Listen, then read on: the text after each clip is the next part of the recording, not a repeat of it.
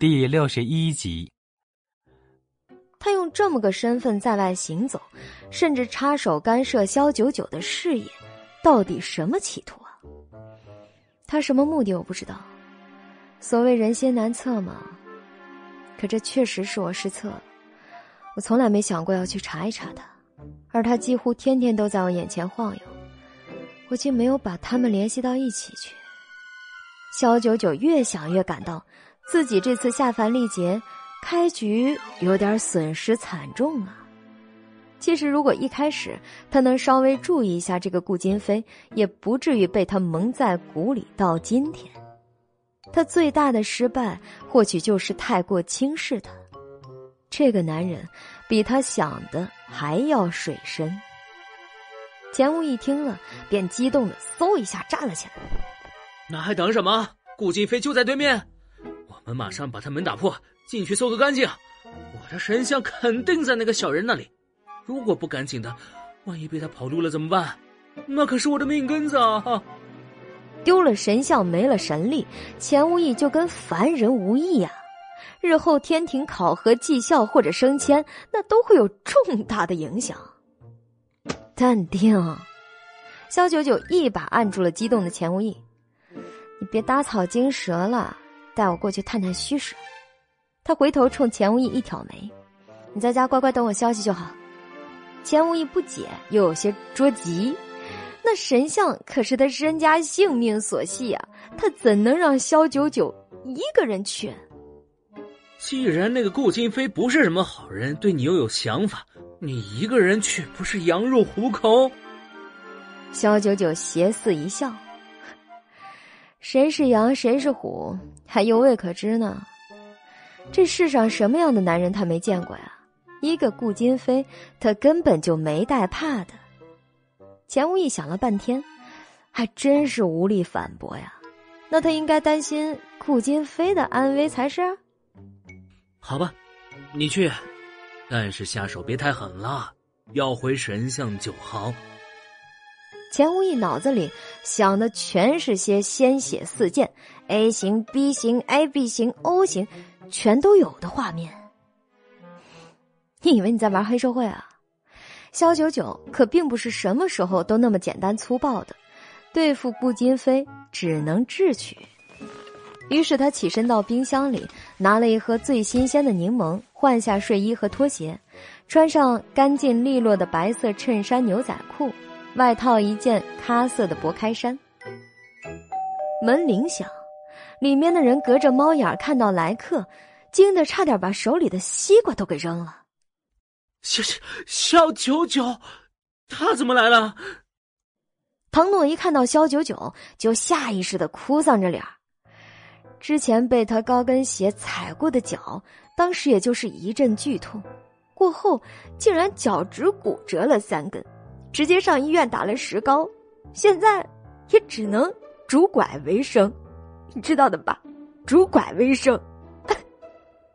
他老妈一听，勃然大怒。认为唐诺肯定是见色起意、占人便宜才会被打。那萧九九人那么好的姑娘，怎么会无缘无故打你啊？那肯定是你犯了错呀！你，他对萧九九那是百分百的信赖，一口咬定是自家儿子有问题，于是又赏了唐诺一个巴掌加一个暴力。唐诺被打的怕了，直接找到顾金飞，像个乌龟一样缩在了他的公寓里，发誓不养好伤。绝不出去。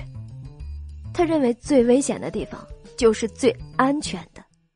顾金飞虽然把公寓买在了萧九九的对面，可惜人家姑娘从来就没给过面子，也从来没踏进过顾金飞家里半步。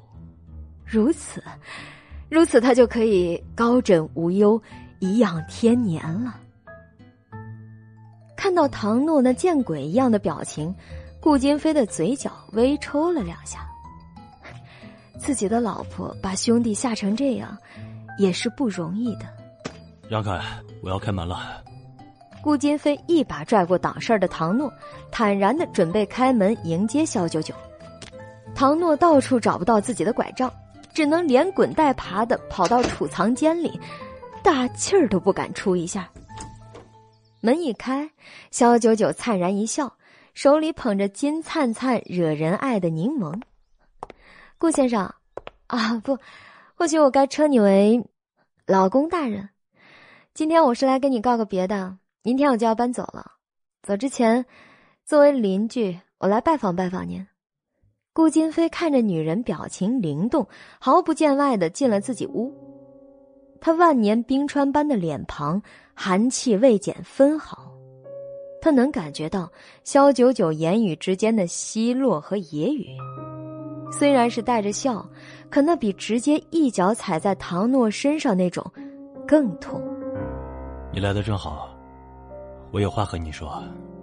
顾金飞想要拉他的手，却在碰到他手的瞬间，被萧九九不动声色的避开了。顾先生，咱们有话说话，别动手啊！被人看到了，那可影响不好。萧九九说着，眼神中却是没有丝毫的愠怒，反而有些许的玩味之意。两人在沙发上面对面坐下，萧九九把柠檬放在了桌子上。顾先生，这是我特意给你带的水果，请用。嗯，柠檬精配柠檬倒是再适合不过了。顾金飞浓黑如墨的眉毛轻蹙，眼睑低垂。什么意思？没什么意思啊，就是单纯的请你吃个水果啊。肖九九笑意斐然，这位顾先生肯定是个不爱刷微博也不追剧的主。诚然，他接触过的所有上流精英。大部分都是这个样子，单调而乏味。顾金飞目光怔怔的看了那柠檬数秒，最后还是不了了之。九九，既然你已经知道了，那我就对你说，我不是故意要隐瞒你。其实，我是有诸多的考虑，才不得已。他话到一半，被肖九九一把打断。别解释，你我都清楚，我们之间什么都没有，名义夫妻，协议婚姻而已。当初你已经说的够清楚了，婚后各自管好各自生活，互不干涉。所以你要做什么，我确实是没有义务，也没有兴趣知道。不管顾金飞为什么要明里戴着面具示人，还是暗中借用别的身份，他真的不想去探究。要知道的一些信息。他已经都搜到了，所以不用他说，他也很清楚。顾先生，我不是来听解释的，你所作所为跟我没有任何关系，只是我希望，以后你不要借用山文公司或者其他的任何身份来干涉我的任何事情。我也不希望你对我各种明示暗示。我挑明了说吧，我有喜欢的人了，而那个人不是你，所以不管你什么目的。追上一万年，那都是些无用功。顾先生这么聪明的人，做事儿肯定是讲求成本的。对于这种注定血本无归的生意，还是及时止损为好。你说呢？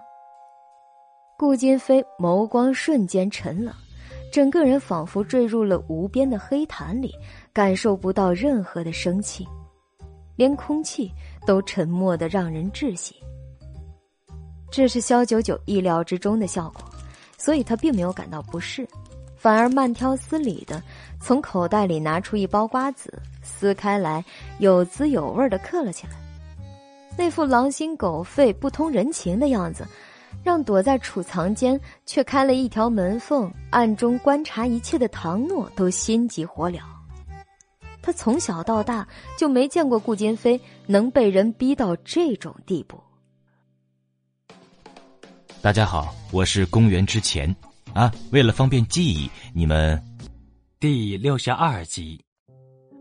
有一瞬间，他觉得顾金飞好像是个没有生命的雕像，冷冰冰的，让人害怕极了。唐诺以为顾金飞是他见过最无情冷血的人，可是他却没想到。当无情的人被点化变得有情，碰上了错的女人，便注定了真情错付的一生。比顾金飞更无情冷血的，是他萧九九。看着他津津有味的嗑着瓜子，唐诺气得胸腔一股滔天的怒火几乎要爆发出来，好想冲出来给那个女人一点教训。为什么要拒人千里？沉默了许久的顾金飞，忽然嗓音暗哑的问道：“他是真的很不解，像肖九九这样的女人，混在娱乐圈里。”怎么对一个男人如此委婉的示好能百般阻拦，甚至不惜在苗头掐断了他的想法？我就这么让你讨厌吗？我还什么都没做，只是想要和你多接触，多了解你。你就这么迫不及待的赶我离开？一番灵魂拷问，字字诛心，让肖九九吃在嘴里的瓜子儿突然就不香了。他以为像顾金飞这样的男人，被无情拒绝以后，无非两种反应：一是你算什么玩意儿，还敢看不上我；二是有意思，既然得不到你的心，那我就得到你的人。岂料顾金飞这样看上去金贵无双的公子，竟然颤着嗓子反问自己为什么如此无情。那颤抖的小声线。委屈的小眼神儿，还有星星点点的泪光。他没看错，顾金飞好像真的要要哭了。执掌着这么大一个顾氏集团的人物，竟然因为他的拒绝而心痛到红了眼睛。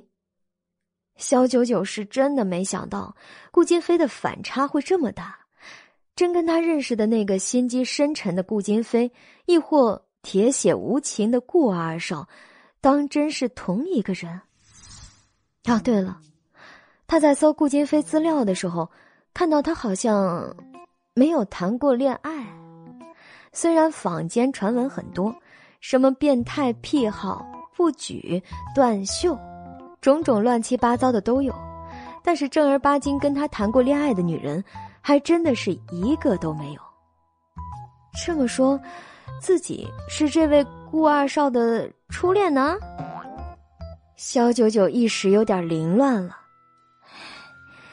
请顾二少保持您的人设，不好吗？怎么这失恋的反应能如此的毁人设呢？嗯，我并没有讨厌你。想了半天，肖九九。还是张口道：“我只是对你无感罢了。当然，也并不是你不够优秀。其实顾二少的名声是响当当的，天下有多少女人趋之若鹜啊？我心里也是有数的。只不过，在我心中唯一的位置，已经早就被人占据了。那个人是薄一舟吗？”顾金飞逐渐恢复了理智，红红的眼眶也慢慢消退下去。不过数十秒的时间，很快就看不到刚才那个委屈少爷模样的他，好像眨眼看到的只是一个幻觉罢了。小九九呸的一声吐出瓜子壳，笑得一脸轻蔑：“ 就他，也配？”顾金飞陷入沉思。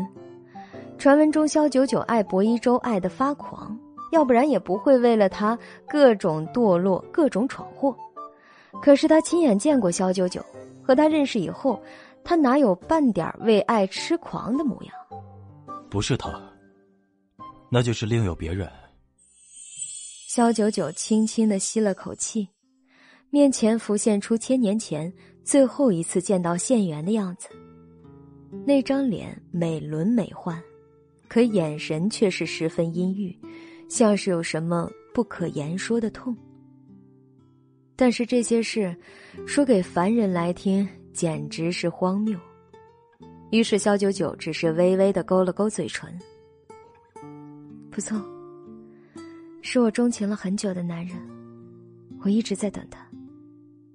顾金飞微垂眼睑，话说到这个份上。再坚持下去，似乎已经变得可笑。见他沉默，肖九九便岔开了话题：“顾先生，既然你我有协议婚姻，做个朋友还是挺好的，你认为呢？”毕竟以后还要好聚好散，离婚的事儿他也不想弄得太过惨烈了。顾金飞未置可否，薄唇紧紧的抿着，情绪藏在了深如幽潭的眼眸里。既如此，你走吧，我想一个人静静。萧九九桃花眼泛着谋算的金光，他也不想在这里久留，毕竟气氛挺尴尬的。可是钱无义的神像一事还没有下落，他不能就这么走了。嗯，走之前，我有一个不情之请。萧九九一双黑白分明的大眼灵动的转了转，顾金飞带着疑问抬头看着他，却是没有说话。既然和顾先生有缘，做了协议夫妻，又做了这么久的对门邻居，我想，能不能参观一下你的公寓啊？其实对钱无义的神像，他也略有感知力，只要在顾金飞的公寓里转上一圈，不用翻找便能感受一二。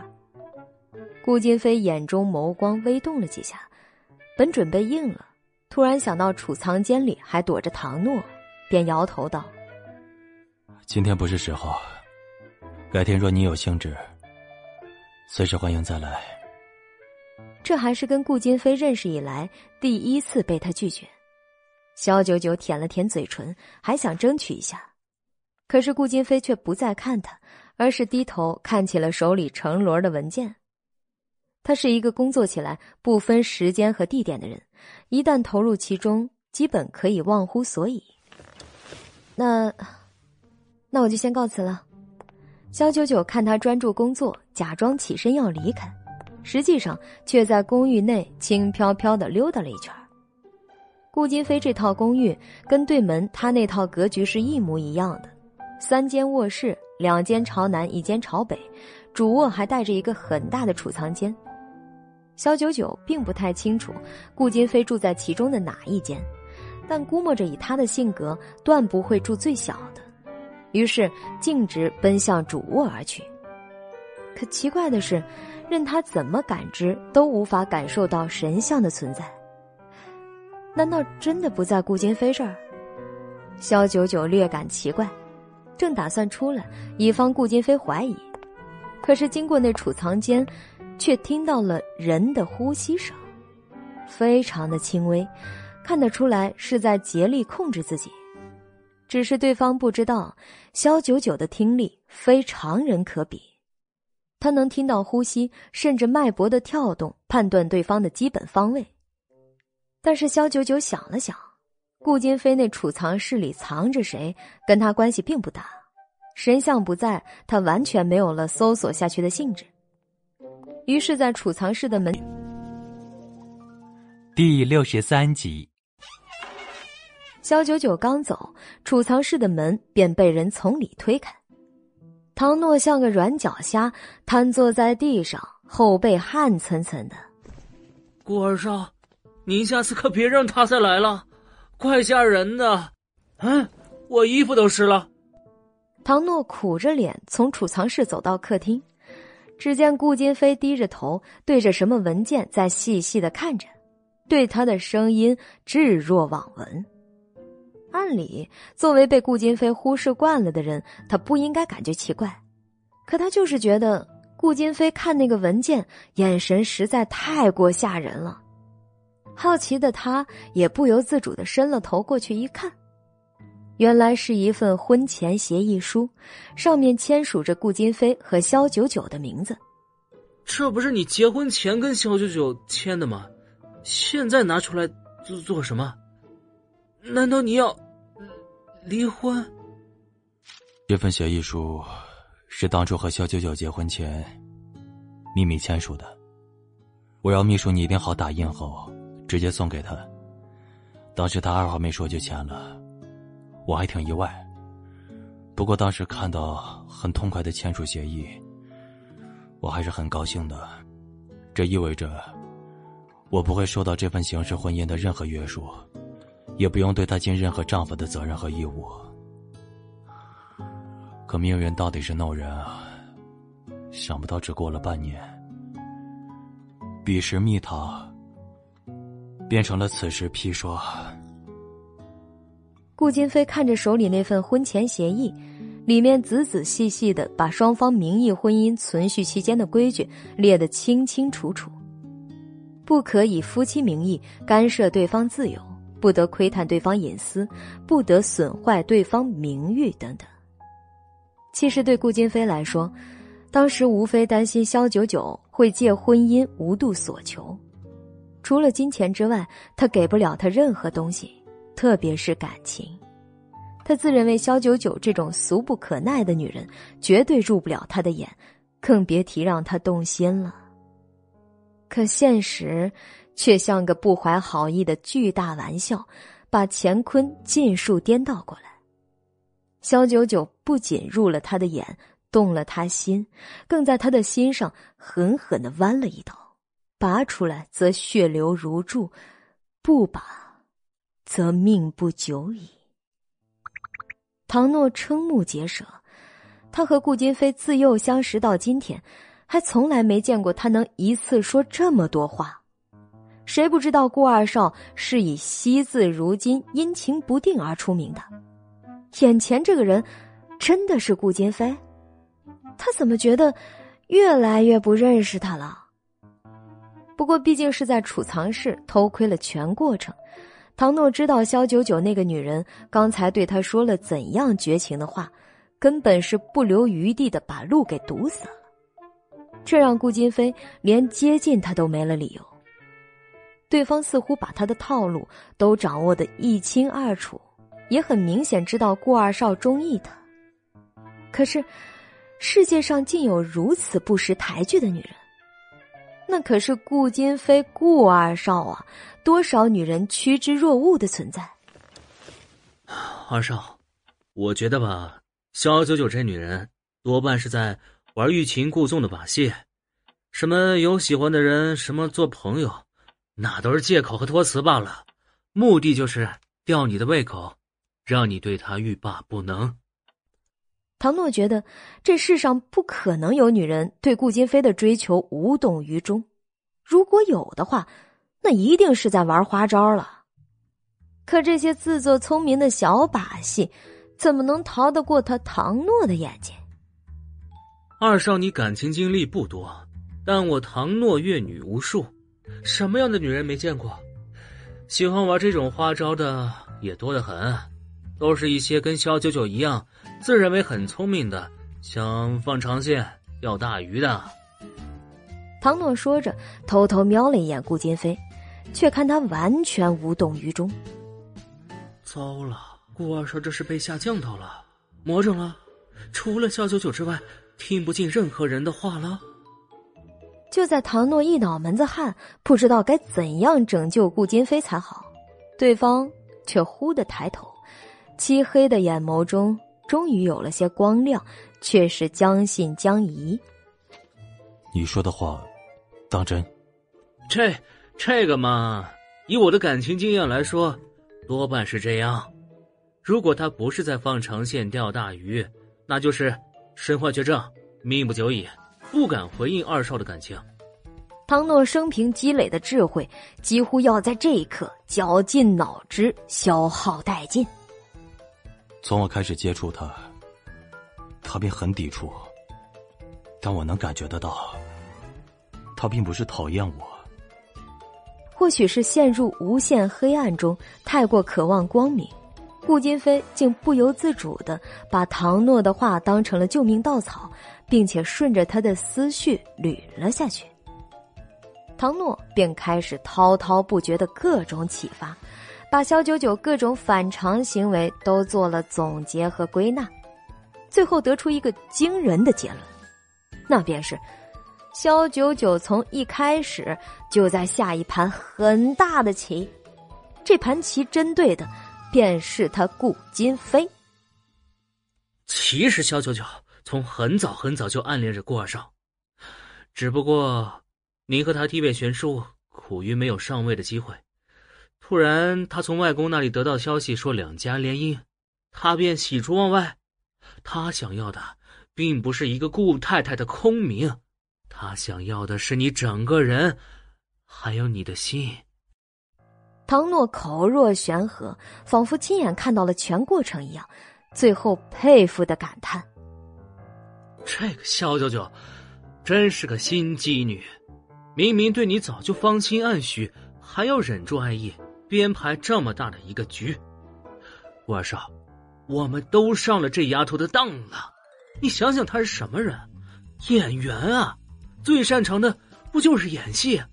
之前和薄一舟种种绯闻，那不过都是演出来混淆视听的假象罢了。他真正的目的只有一个，那便是你呀！唐诺激动了。如果这样分析，那么一切都能天衣无缝的对上了。萧九九种种不合逻辑的事情，也都能够解释得通了。顾金飞一愣，这沙盘推演的结果竟是这样。他竟一直在那女人的局中。呃，可是我听人说，他的演技并不好，以僵硬死板、面瘫而出名。啊！唐诺一时无言以对。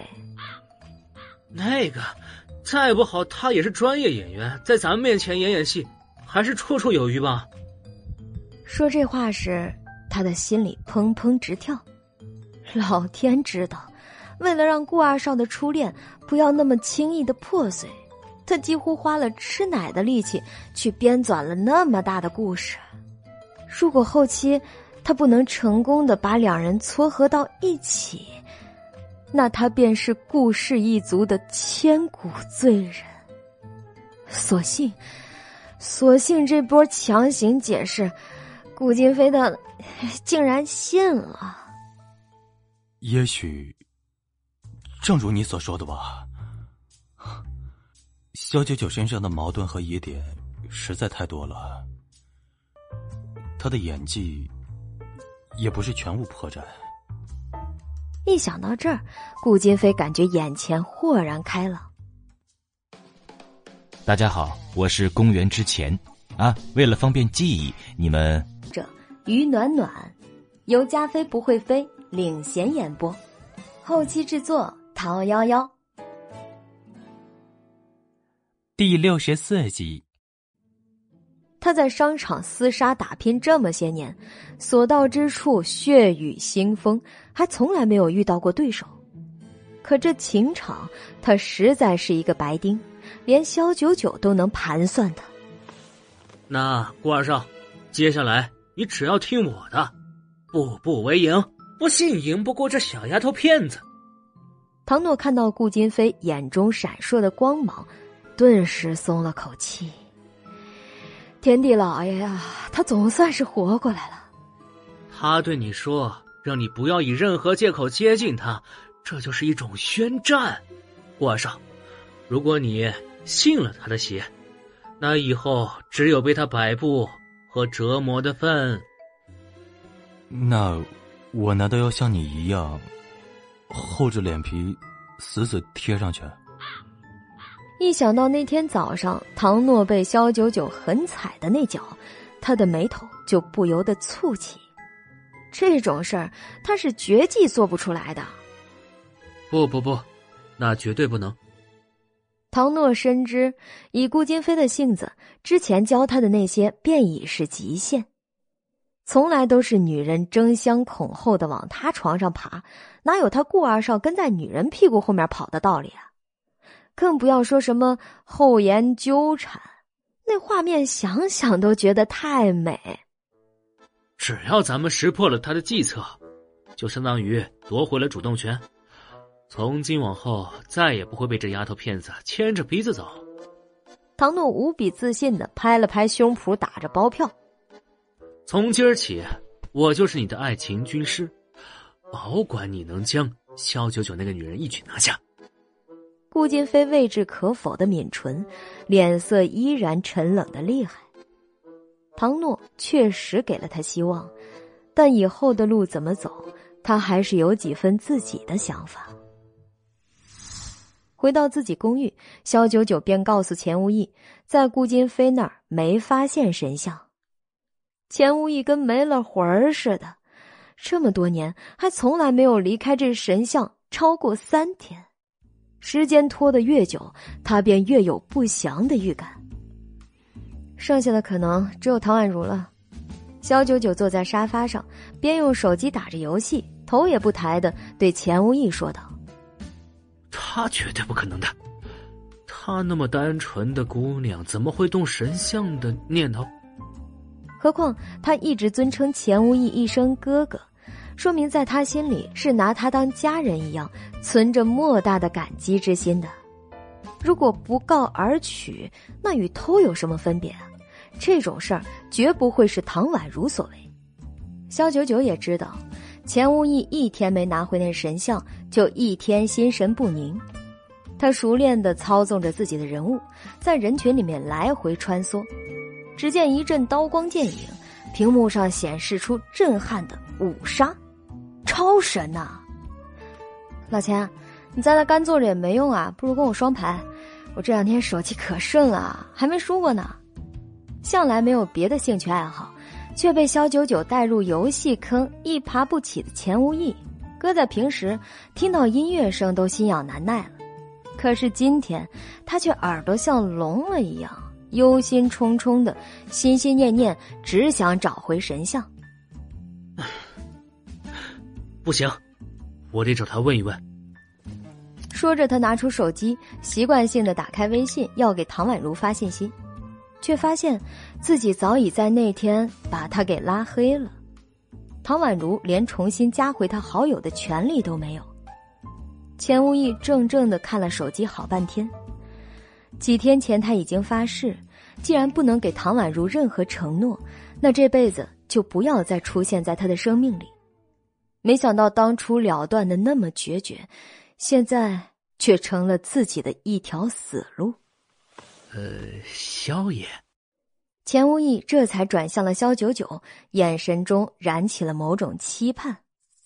想都别想！萧九九埋头打着游戏，却对钱无义的一举一动了如指掌，也非常明白他那点小心思。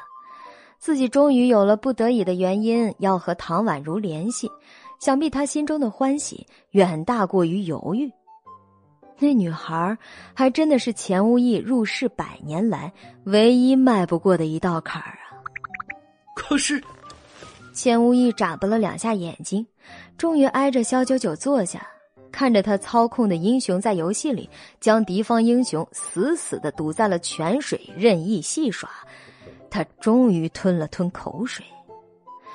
如果说萧九九的感情像一杯白水。那他一滴不留的全部倒给了县元上神。对于其他人，或者对于这俗世的各种男女之情，他已经看得太透。萧爷，我发誓啊，我只是问他关于神像的事儿。如果不是他拿的，我便不会再和他有任何来往。钱无义，你自问这几天心中可曾有一刻忘记过唐宛如？萧九九始终未看他一眼。可他的话却让钱无义心虚的垂眸许久。说是要永远了断，永远忘却，可是他的心却像撕裂了一般，亟待着修补。而唐宛如就是那最佳的良药，哪怕只是每天能看他一眼，他就会觉得很心安。他感情的炙热和浓烈，让他自己都觉得害怕。可是他却没有办法将这份炙热浇熄，能做的只是暂时压制住这份爱罢了。这时，肖九九一局游戏打完，才放下手机，看向钱无义，轻叹道：“老钱，是不是该上告天庭，让你也下凡历劫一番了？”“啊，不不不不不，我才不要！”像他这样人微言轻的芝麻小仙儿，轻易上不了天庭不说，就算上告了，也多会被无视。更有甚者，罚他一个玩忽职守的渎职之罪，夺去神识，贬为凡人，那他便会失去所有的记忆，也忘了唐宛如的存在。萧九九一双灿若星辰的眼睛，忽的明灭了几下。神像的事儿我会解决，在你拿回之前。我们暂时不要轻举妄动，这公寓改日再办。钱无义明白，肖九九这是真心拿他当自己人，才会如此严格。什么事儿都可以商量，唯独感情这事儿商量不得。他重重的点了点头，全听萧爷吩咐。唐诺一进家门，看到四下无人，便找来女佣杰西卡，问：“哎，我妈和我妹呢？”回少爷，夫人和小姐都在棋牌室。棋牌室，唐诺好生怪异的问：“家里来客人了？要不然就叶翩然和唐宛如两个，能玩什么棋牌啊？”是萧小姐来了，夫人和小姐和萧小姐三人正打麻将，临时叫了管家一起。萧，一听萧九九的名字，唐诺胸中一阵钝痛。他是不是前世欠这女人的孽债啊？要不然怎么走到哪儿都能碰到她，就连回家他都不放过？但既然避无可避，唐诺鼓足勇气，决定迎难而上。反正顾二少的事情他已经全部给揽了下来，和萧九九的接触是无法避免的局面。唐诺便换了个表情，一脸闲适懒散，好像全不知情的朝着棋牌室走去。本集已播讲完毕，我是加菲。这部剧的推荐指数是五颗星。如果大家喜欢的话，一定要订阅专辑。给第六十五集。当他推开棋牌室的门，就听到里面噼里啪啦正手搓麻将，热闹非凡。要我说呀，这麻将啊，还就得手搓有感觉，自动的太没意思了。九九啊，你真是太对阿姨的胃口了。叶翩然坐在西面。看着右手边的萧九九，那表情十二分的满意和欢喜，怎么看萧九九怎么顺眼，恨不得明天就让他和唐诺结婚。而唐宛如则坐在他的左手，与叶翩然的兴致高昂比起来，显得有点没精打采。叶翩然和萧九九说话的时候，他也从不加入，有时候到他摸牌了，甚至需要别人提醒他才记得。他这个失魂落魄的状态被萧九九尽收眼底。这时，唐诺的出现一下子让叶翩然高兴起来。嗨，诺儿啊，你来的正好，快来陪九九搓两圈麻将。唐诺知道推辞不掉，便脱掉外套，加入了这其乐融融的麻将大家庭。谁知道唐诺坐下来以后，叶翩然便不停的制造各种机会，让他和萧九九搭话。还不停的询问肖九九的家庭、工作、兴趣爱好，只要有一丁点的巧合，立刻就爆出一句：“哎呀，那你跟我家诺儿是天生一对啊！”时间长了，唐诺也就逐渐麻木了。反观肖九九，好像从未放在心上，问什么答什么，也没表现出任何不耐烦的样子。怪不得岳翩然对他越看越喜欢，这完全就是他的菜啊！麻将完毕之后，叶翩然招呼厨房准备饭菜。正巧唐秦东回家来，看到肖九九来了，也是眼前一亮。得知他要留下来吃饭，更是高兴不已。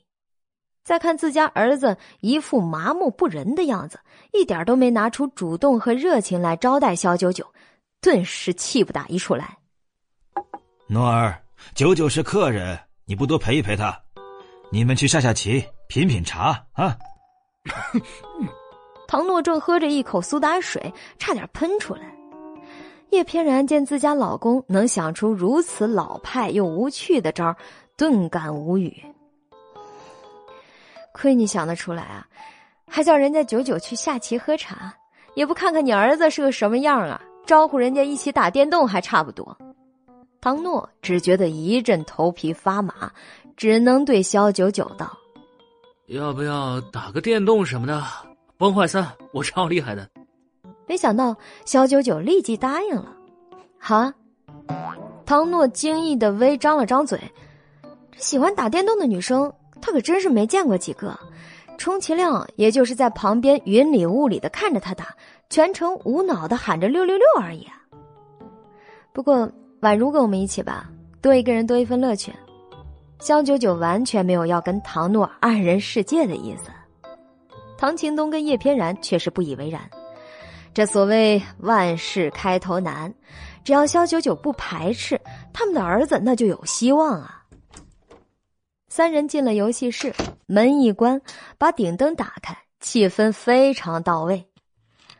崩坏都没意思啊，不如玩竞技岭吧。肖九九舒舒服服的坐在芝华士沙发椅上，拧开一瓶橙汁，喝了一口，道。他刚才一眼瞄到，唐诺这游戏室还配有最先进的 VR 设备，打起游戏来身临其境，更有爽感。你还玩过竞技岭？这名字可不是一般妹子可以企及的，就连他一个大男人，大晚上的都不怎么敢玩这款恐怖游戏。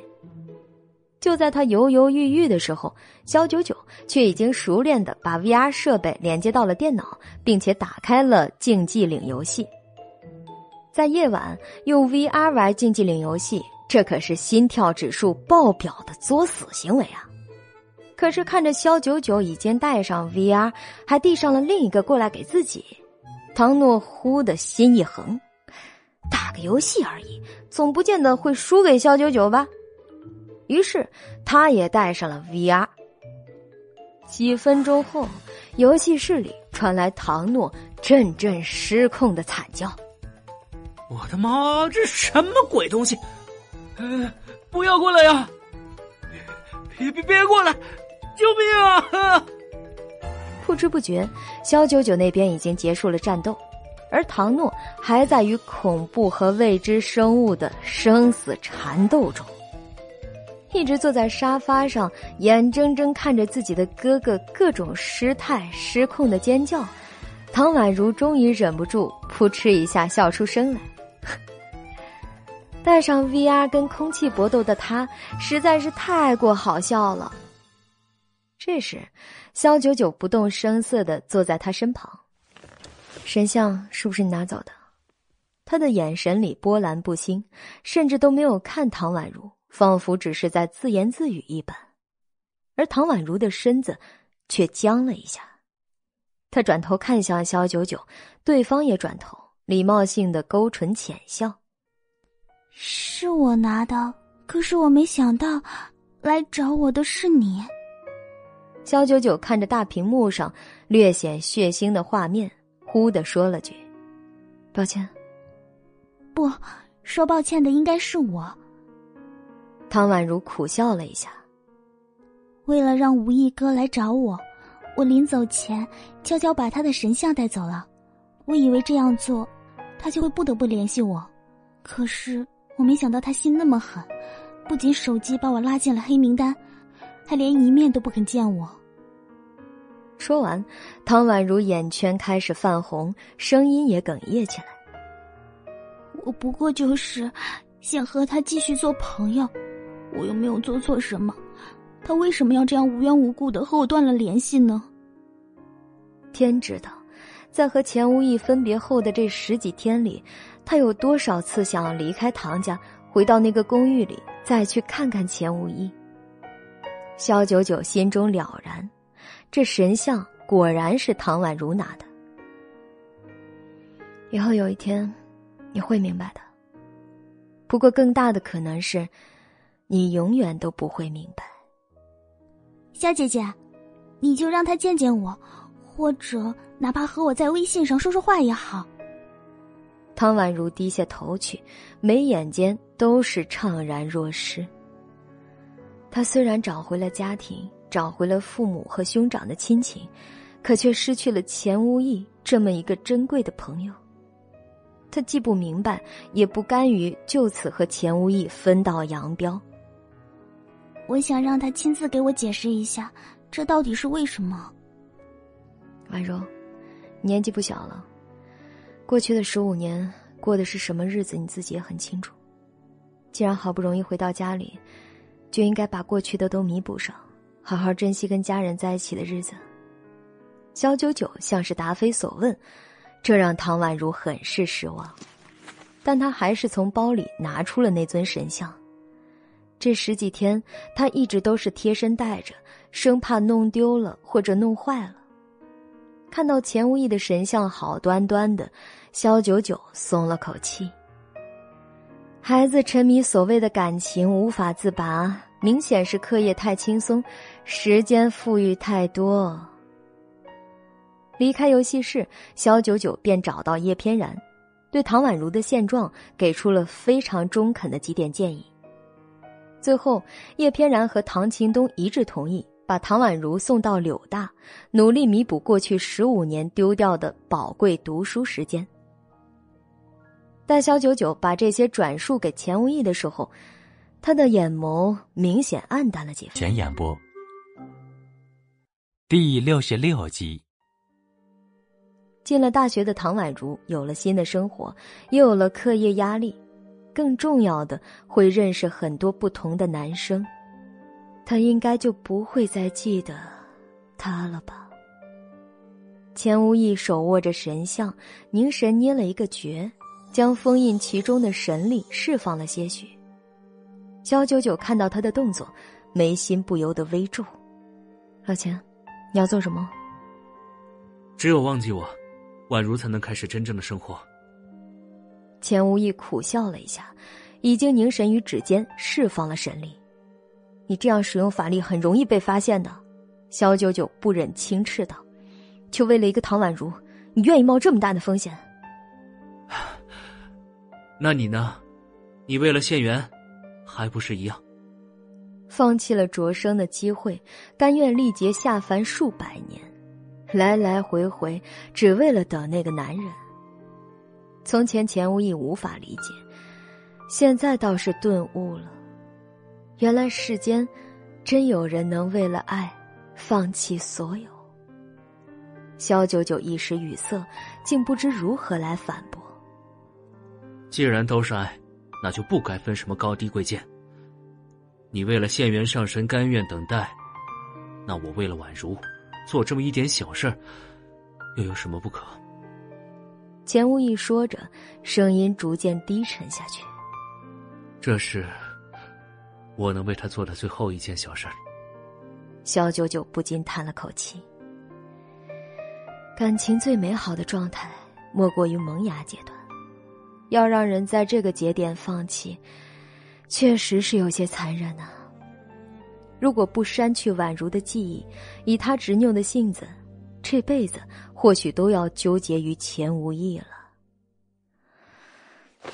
罢了罢了，我原本不想你变得和我一样，没想到一个唐宛如还是让你着了道了啊！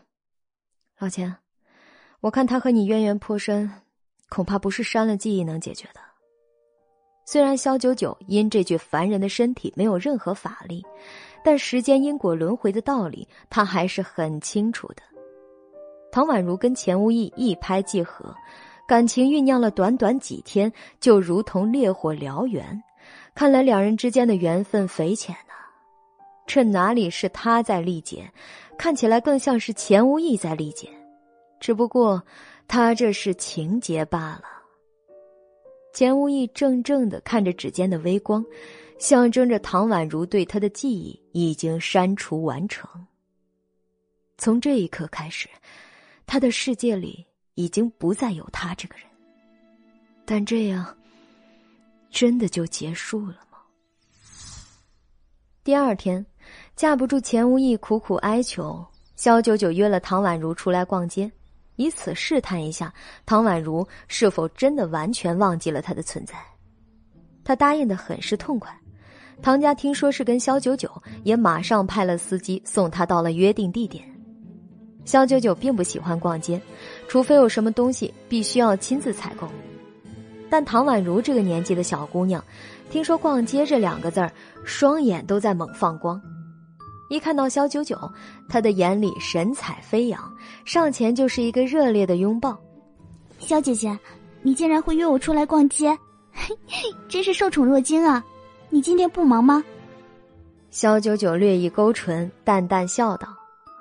下午有几个通告，还有一个试镜。耶，这么说来，你终于要开始拍电视了吗？唐宛如俨然一副小迷妹的模样，双手捧着脸，满是期待的样子。嘿，太好了，我终于能在电视上看到你了。嘘，低调低调，咱们说好了的。肖九九看他兴奋的恨不得满世界宣布，便伸出食指在嘴唇上轻轻嘘了一下。唐宛如猛点头，一副讳莫如深的样子。之前肖九九救他回唐家，唐家人便知道了，他就是那个连续一个月霸占微博热搜的十八线小明星。当然，这一切都要拜贵圈八卦天才叶翩然所赐。要不是他整天闲的没事儿，疯狂的刷微博，也不会对娱乐圈里的大小明星都如数家珍。肖九九跟唐宛如便沿着商业街逛了一小会儿。途中，唐宛如见一家商铺，就要进去转上一圈。不管卖的是衣服、首饰，还是包包、零食，甚至是卖中药材的店，他也饶有兴趣的研究了好一会儿。肖九九见他兴趣浓厚，心情和昨天完全两样。他的第一感觉是，“钱无义”这三个字多半在唐宛如心里已经被抹去了。但他稍一思忖，还是决定试探一下。此时，两人正路过一家皮肤科诊所，古色古香的门面竖着一块牌匾：“孙议员皮肤诊所”，这也是整个商业街上唯一的皮肤科诊所，在柳城还颇有名气。传说里面是孙家三代行医，医术医德有口皆碑，每天都有全国各地的人慕名而来。唐宛如十五年没逛过街，一出来便是大爆发一样，连这家皮肤科诊所都不放过，直接拉着肖九九要进去开开眼。肖九九倒也没有什么不耐烦的，毕竟这逛哪儿不是逛啊？两人说着说着就一起走了进去。见这个诊所构造非常简单，也没有什么前台一说，进去就一前一后两个屋子。前屋挂满了锦旗，都是各地患者送来表示感谢的，什么“华佗在世”“再生父母”之类的浮夸词句摆得琳琅满目。小九九一进去，外屋已经站满了排队等候的人，大部分都在打量着锦旗，然后充满期待的感叹和赞美着。听说这孙老先生快退休了，现在出来看病的大多都是他的儿子和孙子了。那怎么行？我这病已经好多年了，找了许多大夫都看不好，好不容易来了这里，必须要见见孙老先生。有人听说孙老先生可能不看病，马上急红了眼。哎呀，你别急嘛！听说这孙老先生啊，已经把他生平所学都传给了他儿子，他儿子也已经给人看了十几年了。你先让他试试也无妨啊。不行，我这病只有孙老先生能治，我得进去找他。那个人一听更是急不可耐，引来更多人看着他。肖九九一见，那不是肖晴晴吗？差点没给他笑出声来。只见肖晴晴戴着棒球帽、墨镜、口罩，把整个头和脸挡得严严实实的。他也知道孙家诊所名气太大，求医的人太多了，来这里看病很有可能被人认出来。若不是实在没办法，他怎么会跑来这里冒这么大的风险？这时，一个女人急匆匆的跑进来，推开人群，递给萧晴晴几支冰棒。这里买不到冰袋，先用这个救救急吧。谁让我们出来的时候忘记了呢？萧九九打眼一望，那不正是柳如梅吗？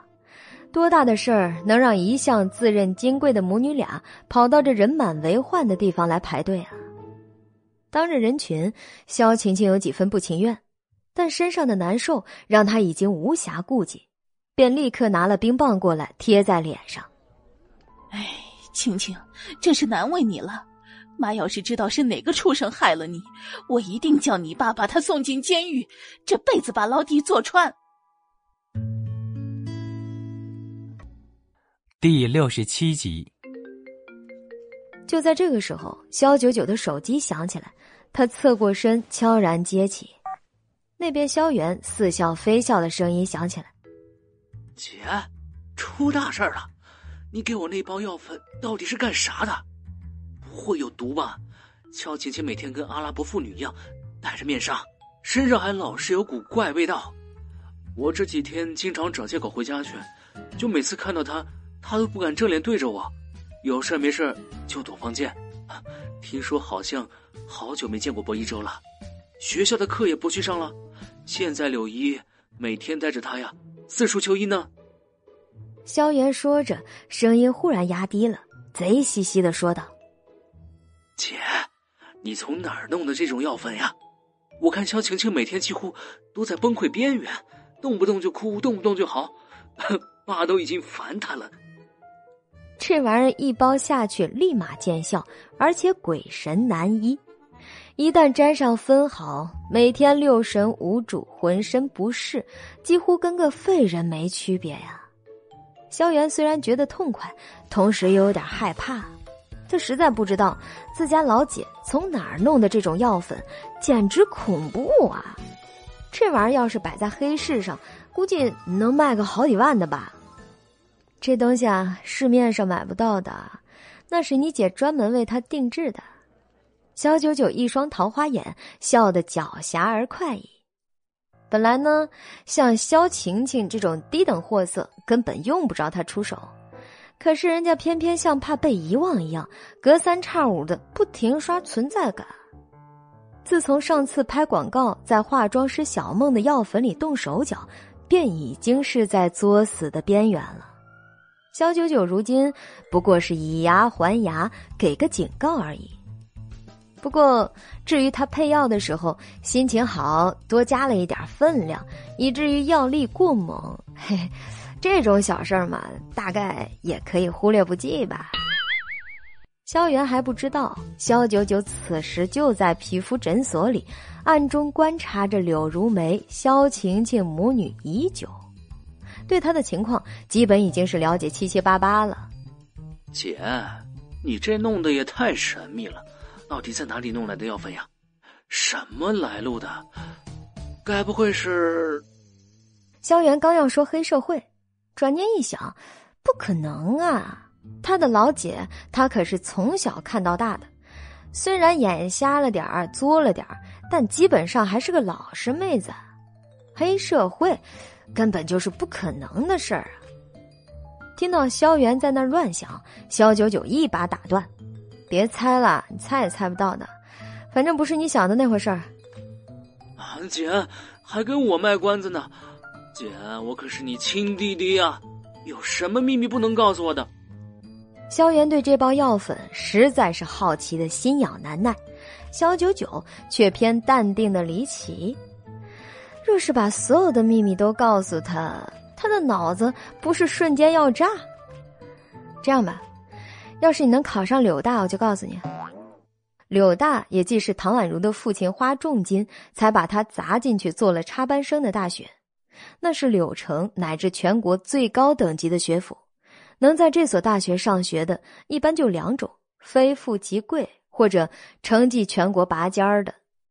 这所大学的学生往往还没等到毕业，就被全国乃至外国的著名企业、科研单位等哄抢。成绩优异的，更是在毕业前夕每天要接几十个电话，争相讨好，力邀前来就业。这样举世瞩目的顶尖高等学府，萧元也只敢在梦里想想。一听萧九九要他考这所学校，顿时就像泄了气儿的皮球。嗯，不行，以我现在的成绩，能上个普通大学就不错了。柳大。下辈子再想吧。要是萧元能上柳大，除非萧北望脑子被驴踢了，忽然砸下重金给他买通了关系。萧九九谜一样浅笑：“你还是不是男人呢？是男人的话，怎么能说不行啊？”萧炎被他这一句话险些呛死，他老姐这是在激他。虽然他也想维护男人的尊严，可是。这事实摆在面前，就是那般的无情啊！连他们班主任都说，他的脑子呢，就像黄花鱼一样，并不像表面上看上去那么灵光。一说到成绩，说到升学，萧元就蔫了下去，声音都变得有气无力。萧九九却是不以为然，自家弟弟呢，虽说顽劣了点儿，很大部分也是家庭环境所致。只要有好的环境、好的老师，加上这好的成绩，考上柳大也并非绝无可能。这件事儿，下次姐再跟你好好唠唠。今天我突然有点急事儿，一会儿再聊啊。正说着，小九九忽的看见那萧晴晴的脸上，就像融化的黑巧克力一样，留下了许多黑色的脓水。柳如梅紧张的不停给她擦拭着。母女俩后来的忍不住冲到队伍最前面，就要进里屋去。后面排队的人自然是不肯了，一把拽住他俩：“哎，你站住！你们还要脸不呀？大家都在这辛辛苦苦排队好半天了，你们说插队就插队啊！”我女儿情况危急，实在等不了。我给你们钱行不行？一人二百块。柳如梅一咬牙，以力诱之，后面排队的顿时不说话了。毕竟就插队一个人，只要他们忍了，就能白捡两百块。看到他们默许，肖九九忽的出声道：“二百太少了，拿我们当要饭的呢？起码一人六百。”“对对对，一人六百，不然你们别想插队。”一听这玩意儿还能讨价还价，排队的人立马都来了精神，纷纷跟着起哄。柳如梅气得脸儿都白了。这一屋子排队的起码也有五六十个，一人六百，少说也就三万块钱出去了。六百块你们怎么不去抢？柳如梅算了账后顿觉心痛。自从萧琴琴发了这怪病，在家里连萧北望都避之不及。还命令他不得跟他同桌吃饭。眼看引以为傲、当做明珠般捧在手心的女儿，如今被嫌弃的像垃圾一样，柳如梅哪里能接受这种对比？可是无论他如何吹枕边风，甚至哀求萧北望，他也没有要救治萧琴琴的打算，甚至连钱都不肯出一毛。萧北望这是看萧晴晴这只股马上要跌停，于是果断抛弃。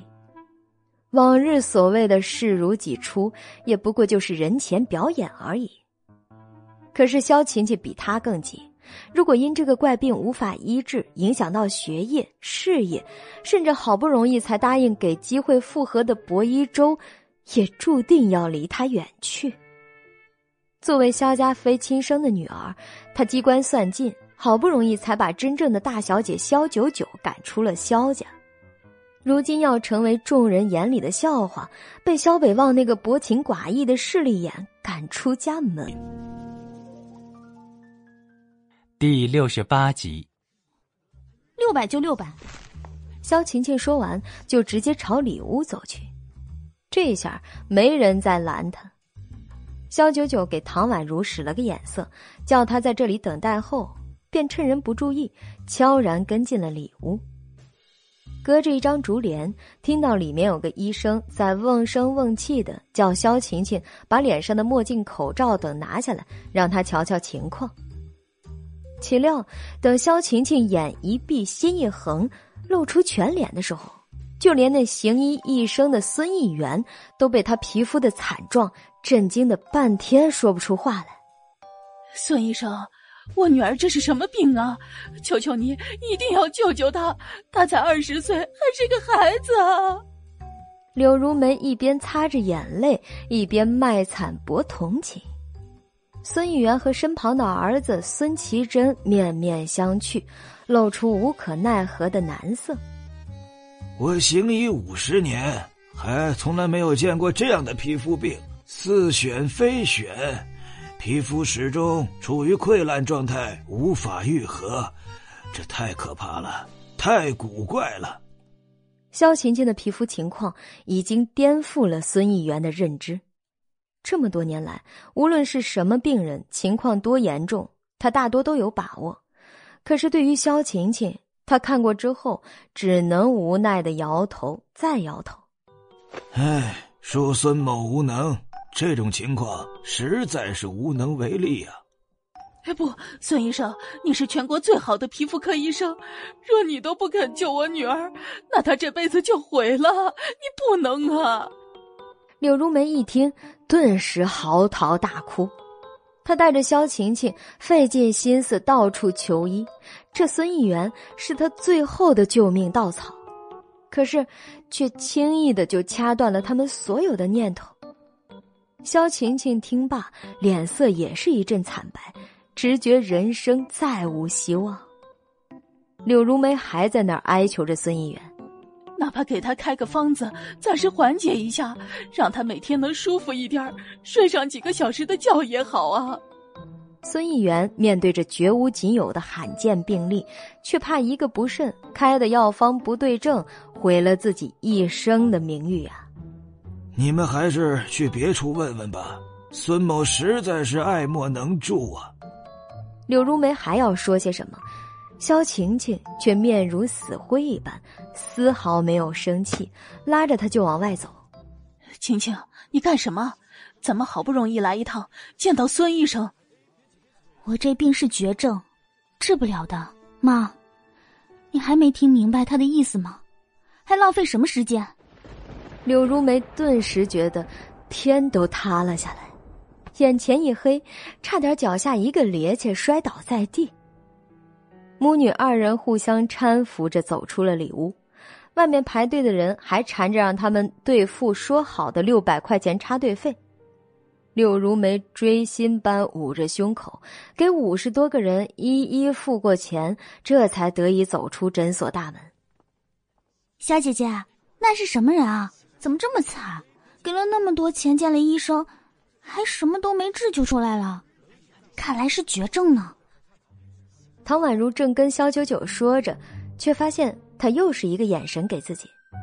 虽然不知道他神神秘秘要做什么，但唐宛如这姑娘很是上道的，比了个 OK 的手势。萧姐姐的世界，她不需要都懂，只要照她的吩咐去做就好了。唐宛如在诊所等着萧九九，那边柳如梅和萧晴晴两人已经走了出来，一路无言。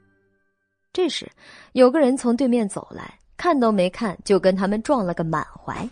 你没长眼睛吗？走路看都不看。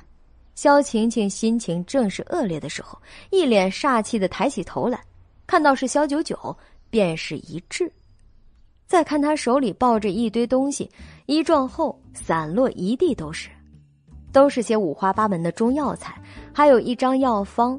被萧九九跟个宝贝似的，一把抓起来护住，生怕被他们抢了去。九九姐，你怎么在这儿？你手上的这都是些什么？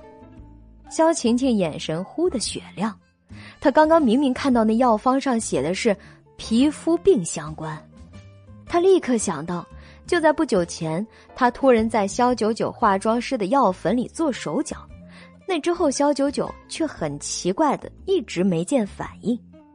当时她以为是萧九九运气好，药粉失效，或者委托的那名清洁工根本就是在敷衍任务。现在一看，萧九九果然有问题，他不是没有得病，只是一直在偷偷的吃药。柳如梅没等萧九九回答，直接上手抢来了他的药方。只见上面写了十几味中药材的剂量、服法、注意事项等等，很明显是对症下药。萧晴晴和柳如梅互看一眼，都暗自心怀鬼胎。自从萧晴晴发病后，她很早就发现，这个病症跟当初给肖九九用的那个药效果差不多，只是程度比他的有增无减。为此，柳如梅母女找到那名清洁工，差点把他活活打死，可他始终不承认有对萧晴晴也动过手脚。如果不是你暗中帮助萧九九那个贱人，偷偷藏了药粉，反过来害我，我怎么可能会得上这个病？此时被皮肤病折磨的死去活来的萧晴晴失去理智，只认为是清洁工帮助萧九九反过来害他。他手里那个药粉可是花了大价钱从黑市买来的，世上哪有那么巧合的事儿？他也会中一样的招。又是谁会如此狠心的把他往死里整？当时他没想那么多，在清洁工死不承认又没有证据以后，便找人弄残了他。现在回头想想，那不过是个普通的清洁工罢了，怎么可能为了肖九九视死如归？这疑点也实在是太多了。直至老天有眼，肖九九抓药竟被他们给遇上了。肖晴晴感觉自己治病有望，喜不自胜，心里已经笃定，肖九九的病和他是同一种，他的方子就是自己苦寻不来的那个方子。你们抢我的药方做什么？萧九九做事要抢回来，却被柳如梅凶悍的一把推开。就是你这个死丫头，害得我们晴晴跟你得了一样的病，是你这个晦气的丧门星，隔了那么远还传染给他，你必须要负这个责任。这药方必须给晴晴。看到肖九九紧张的药方，柳如梅母女更加肯定。肖九九定是不知从何处花重金求来的方子，才会视若珍宝。而他们踏破铁鞋无觅处，得来全不费功夫，一下就拿到了他的救命良方。你还我柳姨，晴晴到底得了什么病？我不知道啊，这药她是不能吃的。肖九九越是解释，越是激动，柳如梅和肖晴晴就越是兴奋。看来这药方肯定是不会有错了。他们哪管肖九九，直接推开他，喜滋滋的去了最近的中药店，照着方子抓了一模一样的回来。看到他们欢快的背影，肖九九刚才还哭丧着的脸，继而舒展开来，一脸的鄙夷。人生如戏，全靠演技。大家好，我是公元之前啊。为了方便记忆，你们第六十九集。这药方是他刚刚亲自开好的，也算是为萧晴晴量身定制的良方。药是真的好药，就是这后劲儿会有点大，也不知道萧晴晴 hold 不 hold 得住啊。萧九九微微眯起了桃花眼。觉得今天这太阳有点毒辣，刚抬手遮了下阳光，一顶遮阳伞就及时的为他撑开了。小姐姐，你怎么去了那么长时间，丢下我一个人在诊所里？真的好无聊啊！唐宛如贴心的给萧九九撑伞，小嘴儿却是撅得老高。好不容易跟肖九九出来逛一趟街，却几次三番的被他打发到角落里，默默无闻的什么都不能做。难道肖九九是嫌他太麻烦了？唐宛如心中一合计，决定后面一定不能在店里耽误太长时间了。没事儿，刚才遇到故人，多聊了几句。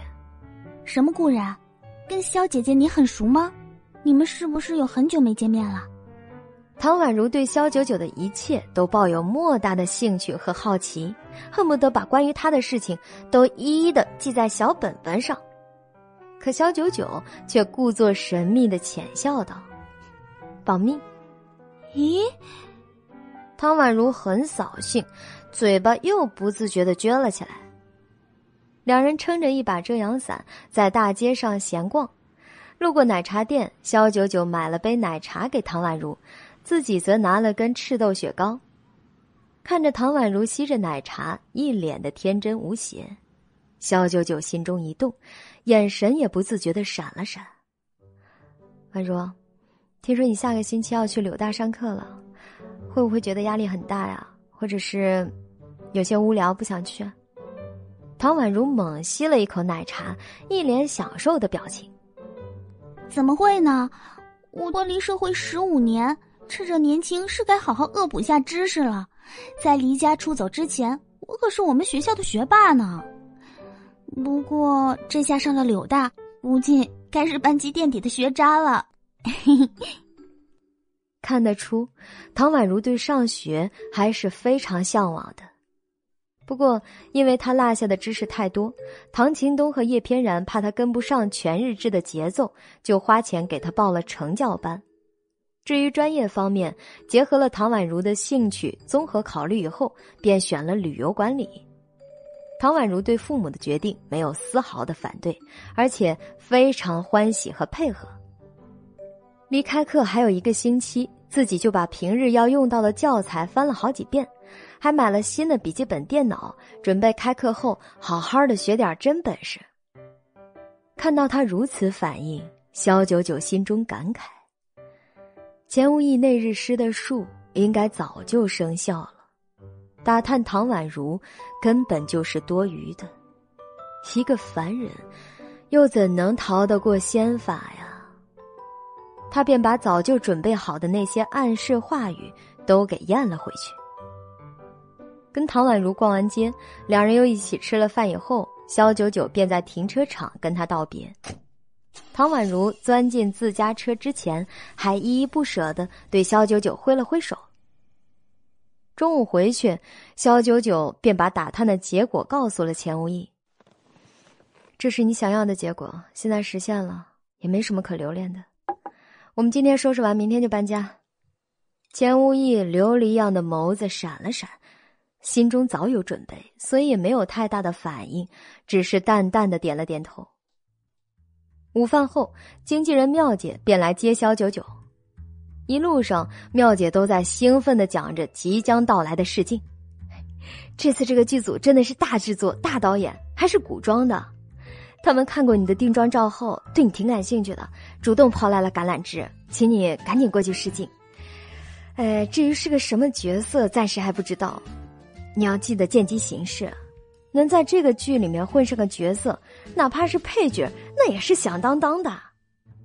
介于肖九九之前一度沦落到在剧组跑龙套，妙姐对这个试镜的期待值不敢太高了。女主是想都别想了。听说早就内定了顶流花旦韩艺珍，而男主则是如今国内的第一全能小生，影视歌三期开花的欧若野。剧组演员名单还未公布，微博上早有数个娱乐大 V 曝光了男女主人选。欧若野、韩艺珍新剧即将开拍，电视天后韩艺珍与欧若野神颜 CP 真好磕。话题指数瞬间飙升到 TOP 一，在这部剧里，只要肖九九能混到个女二，哪怕是女三，妙姐发誓一定去最灵验的庙里烧高香还愿。当然，为了不打击肖九九，这些事情他都没有当面说明。肖九九坐在副驾驶，手里拿的是这部叫《不灭皇朝》，是一部典型的大女主剧。讲述的是女主宫雪香为了复仇入宫，历经千难万险，成为一人之下、万人之上的皇后，并在男主龙九渊生命垂危之际，面对敌军兵临城下，亲自披挂上阵，并且终获胜利，从此打造了一个皇朝的不朽传奇。肖九九简单的翻看了剧情，眼里没有丝毫的波动。妙姐边开车边唾沫横飞的给他洗脑，组里有韩艺珍，还有欧若野，那都是顶流自带话题讨论度的那种啊。这部剧啊，可以说是未播先热，你就算是死，也要死在这个组里，这样才能借着之前微博的热度，不停的刷新自己的流量。听到没有？言外之意，哪怕是最终试镜不过，得了个跑龙套的角色，那也比在别的组强上百倍。就像同样是讨饭，穿着西装比衣衫褴褛要显得体面的多。肖九九未置可否的勾了勾唇，又对着镜子看了下今天的妆容发型都没有问题，便懒懒的倚在椅背上，没过一会儿就睡着了。妙姐的车开得飞快，不多时就到了剧组，只见现场还处在混乱之中。到处都是跑来跑去的道具、化妆、舞指等剧组人员，而导演正在忙着给两位主演欧若野跟韩艺珍讲戏。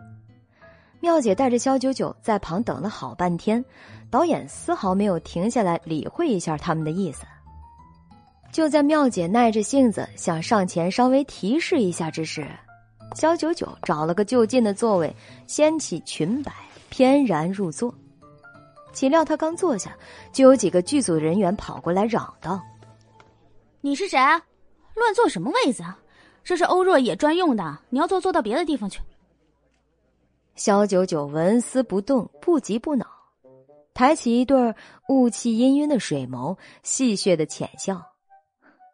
怎么，这上面刻了他的名字？明明是和旁边一排一模一样的座位，却非说是欧若野的。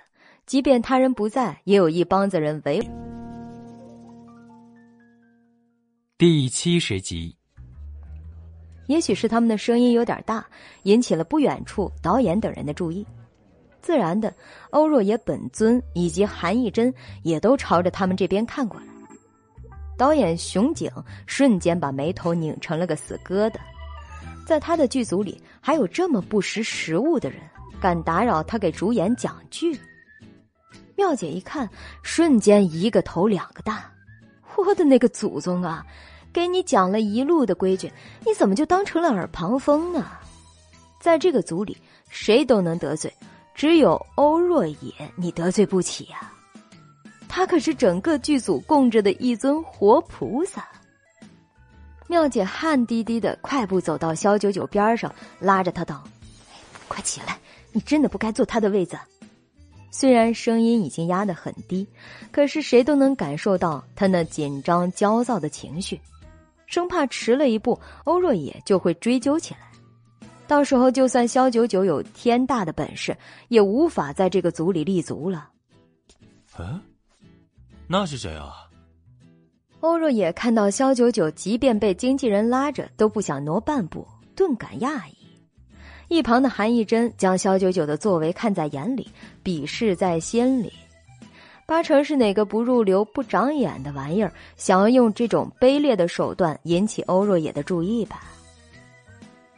我也不认识，好像是副导演介绍来试镜的。若野，你别跟他置气，我们还要好好研究本子呢。我先去帮你劝劝他好了。韩艺珍穿着一身裙袂飘扬的戏服，轻轻的走到肖九九身边，轻声软气的说道：“这位小姐，你是来试戏的吧？既然大家以后有可能一起工作，大可不必为了小事闹别扭，你说是不？”肖九九抿了抿唇，斜睨他一眼。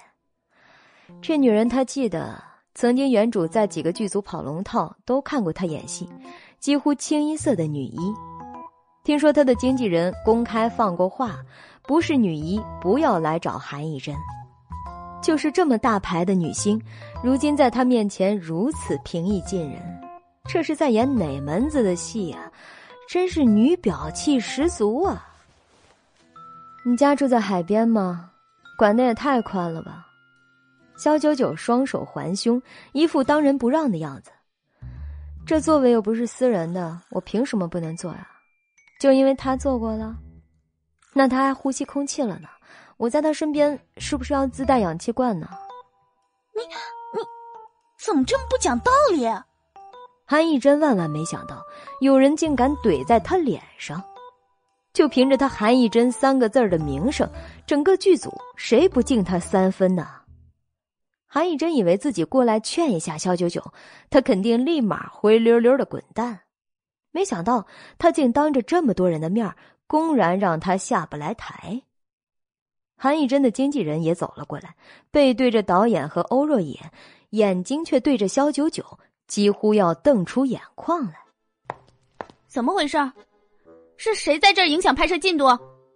导演要是知道了，有你好果子吃！一句话软硬兼施，满是威胁的火药味。可是肖九九却不理他们这个茬儿，不就是一部戏的拍摄吗？他根本就没放在眼里。熊景那个导演拍的剧大多都是收视爆表，口碑却是极差的，因为他最爱用的就是那些流量明星，实际演技却是少的可怜的那种，所以业界都送熊景一个外号“熊三烂”。滥用流量，滥用滤镜，滥用关系户。看到肖九九无动于衷，导演终于按捺不住了，拿起喇叭喊了声：“那个谁呀？是谁带来的啊？赶快滚蛋！不要在这里妨碍进度！”轰的一声，妙姐如遭雷击，面如死灰。肖九九，你还嫌不够丢人吗？快起来，麻溜给我走！要是不想这辈子都没戏可拍的话。妙姐看到事情突然演变成这样，也放弃了任何争取一个角色的念头，只想不要被人发现肖九九的身份。不然一旦传出去，肖九九大闹剧场，不自量力的跟欧若野抢座位，这样可笑的新闻，肖九九马上就会被欧若野数百万的粉丝轰成炮灰。喂，等一下！忽然，欧若野说了一声。抬腿也朝着肖九九身边走来，肖九九连站也懒得站，更别说多看他一眼。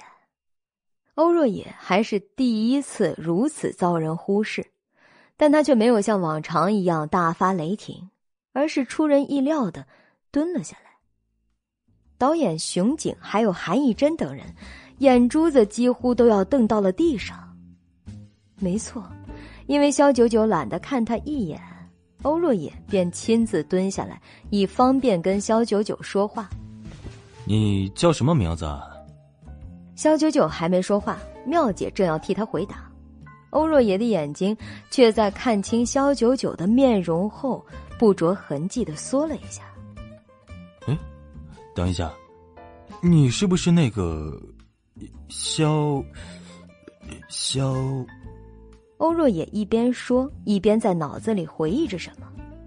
忽然，他抬头看到不远处的广告牌，上面是一个气质超群、面容皎洁的女生，如下凡的仙女一样，手里捧着朵蕾系列护肤品，仿佛捧着琼浆玉液。那女生的面容和眼前肖九九的，一分不差的对上了。啊！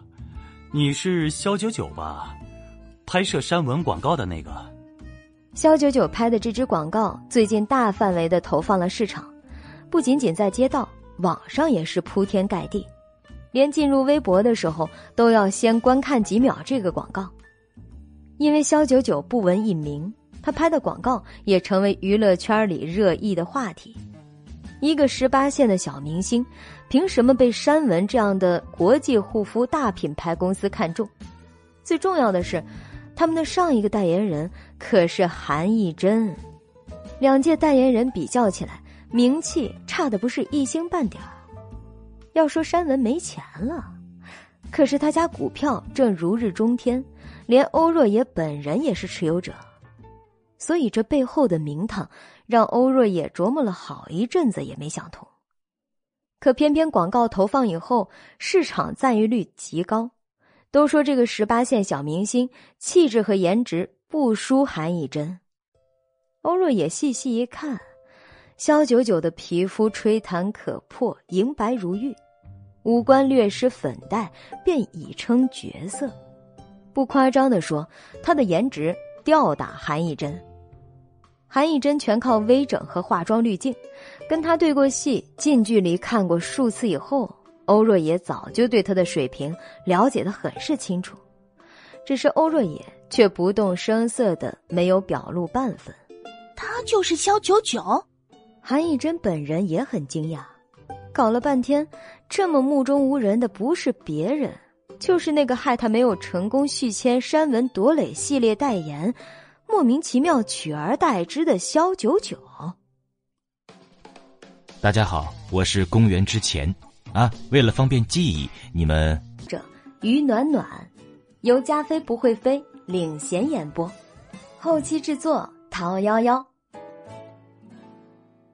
第七十一集，韩艺珍看向肖九九的眼神中，不自觉的蒙上了一层冰霜。肖九九没有否认，却轻拍了几下裙摆上沾染的灰尘，站了起来，对欧若野道：“坐这个位子，只是因为它比其他的干净一点而已。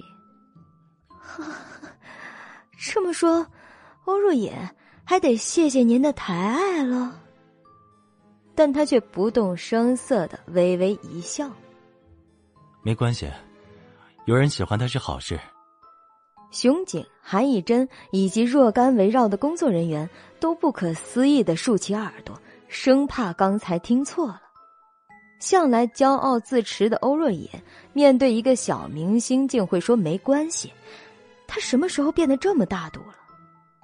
韩以真看着欧若野的眸子不停的流连于萧九九，暗自咬着银牙，指甲不自觉的嵌进了掌心里。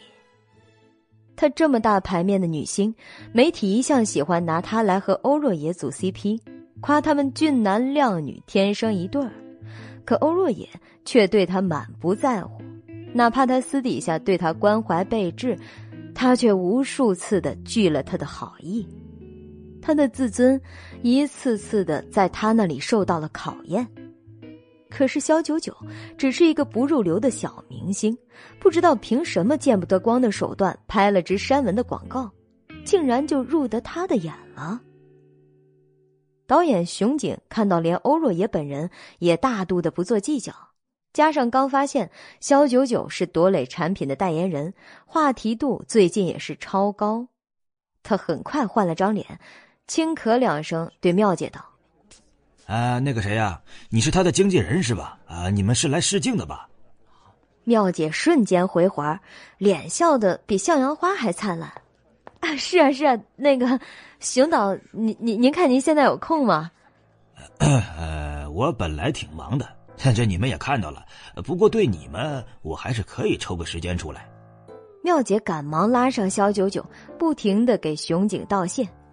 谢谢熊导啊，那您看，呃，现在还有什么角色适合我们家那个九九的？他之前演过的角色也挺多的，这方面经验还是挺丰富的，什么都能适应。我记得我还缺个大丫鬟，要不就让肖小姐试试？听说她以前演丫鬟的经验挺丰富的，可惜都没什么台词呢。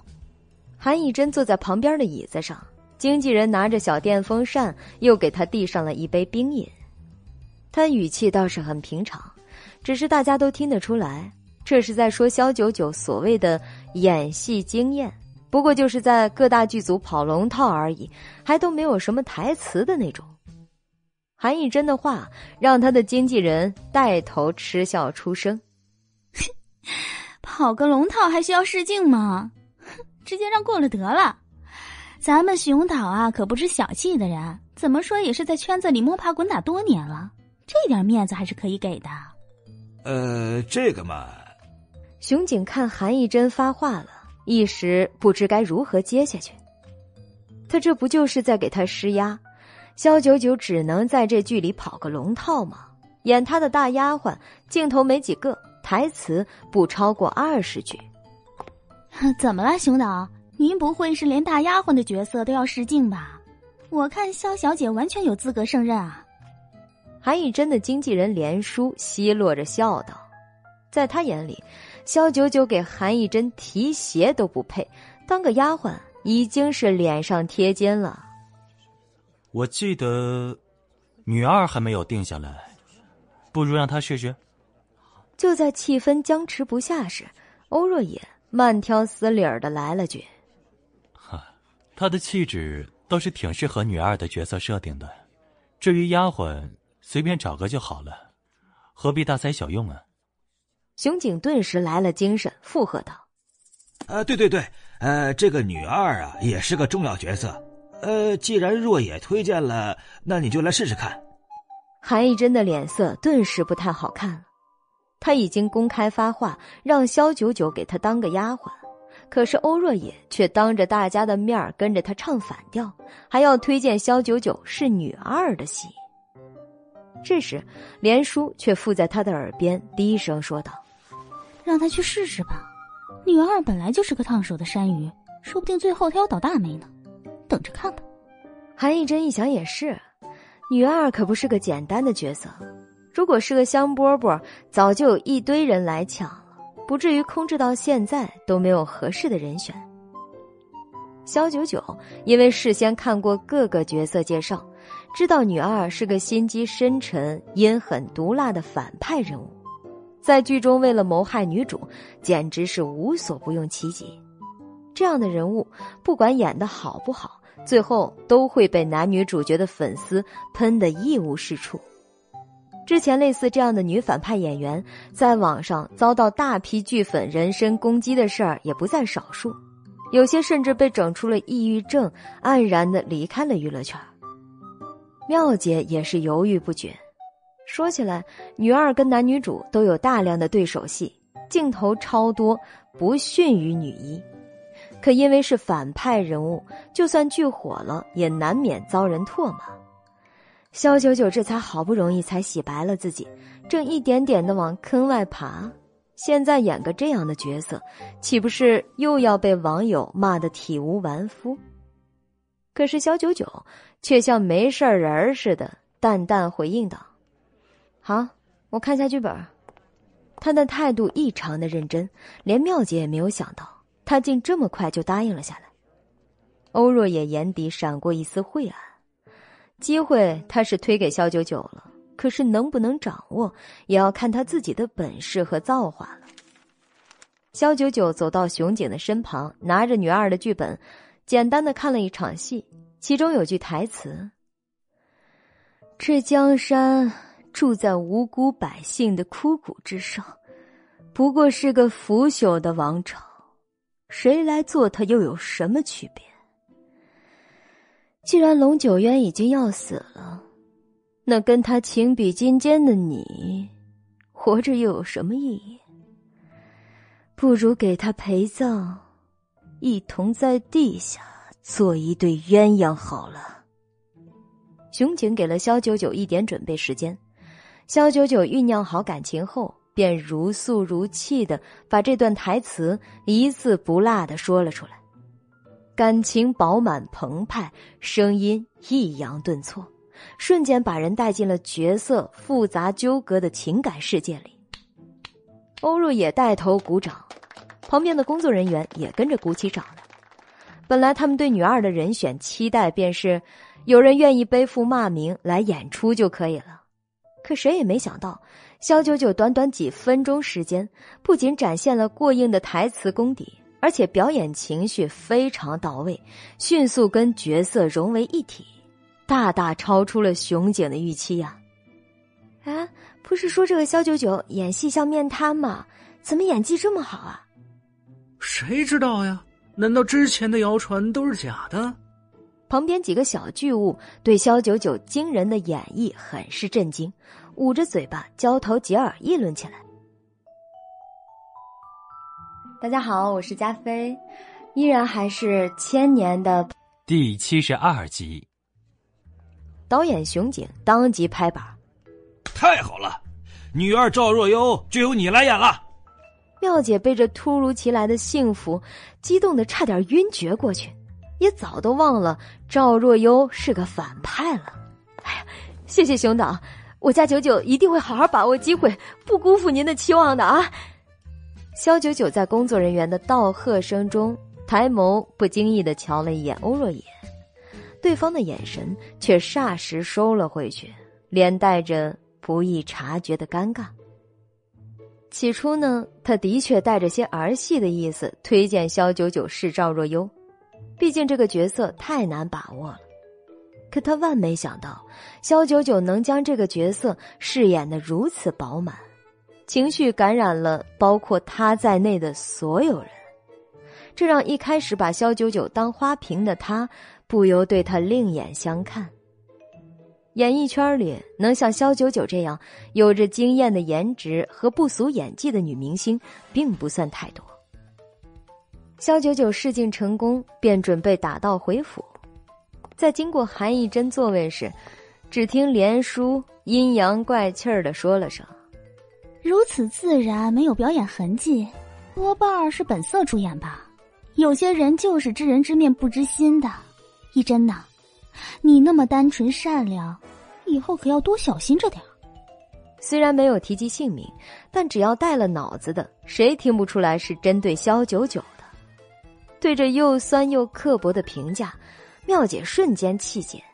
虽然对方是当红女星的经纪人，可他妙姐手底下也不是没带过爆红的明星啊，她怎能甘心输了这人场？说到本色演出，要不是因为有些人是经纪人呢，我真想推荐她去演这个女二，那才是毫无表演痕迹啊！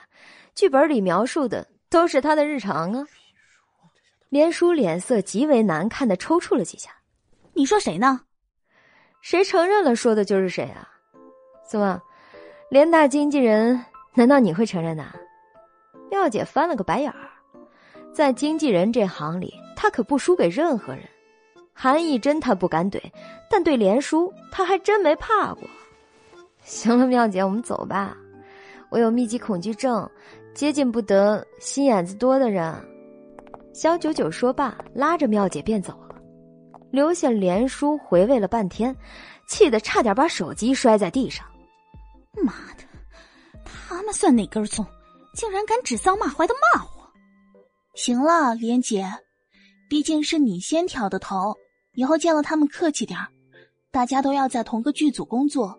只有关系搞好了，才能工作的愉快啊！韩以真故作大方的说道。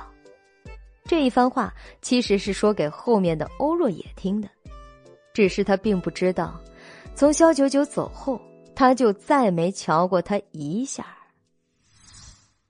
肖九九回到家里，并没有马上休息，而是在偌大的客厅里做起了体能训练，扎马步、俯卧撑、平板支撑，一样不少。钱无义光是看他汗如雨下的样子，都替他感觉到累呀。小爷，你歇一歇吧，都忙了一天没停过，回来好歹喝点茶。钱无义把上好的碧螺春泡好了，给肖九九端了过来。肖九九却连看都没看一眼，专注在训练上。这具身体实在是太废柴了，原主就从来没有好好的训练过，身材管理啊。也是很差劲，肚子上这都有肉了。肖九九对原主的懒散不上进非常的嫌弃。演员这个职业对原主来说或许只是个梦幻泡泡，头戴着明星光环，到处接受称赞和拍照即可。但对肖九九来说，这个职业即将是他赚大钱的门路，他必须把自己身材管理的十分到位了，才能实现日进斗金的梦想。行了，萧爷，您就知足吧。这身体已经瘦的没多少肉了，万一县元上神转世以后喜欢的是丰满的妹子，您这不就亏大了吗？肖九九从瑜伽垫上起身，擦了擦头上和身上的汗，斜睨一眼钱无义，见对方一如既往的展露着人畜无害的笑颜。这时门铃忽然叮咚叮咚的响了起来。钱无义从沙发上一跃而起，跑到门口看了猫眼后，对肖九九道：“是个不认识的男人。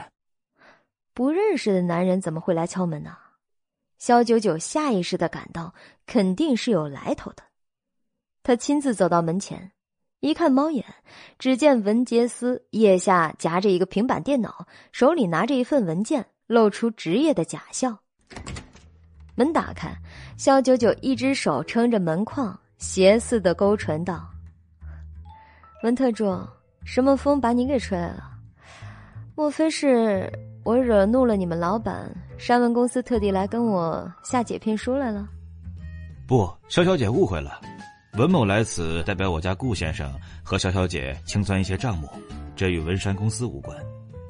肖九九一听顾先生的名字，嘴角微不可察的抽了一下，但他到底还是放了文杰斯进来，想看看对方又有什么说法。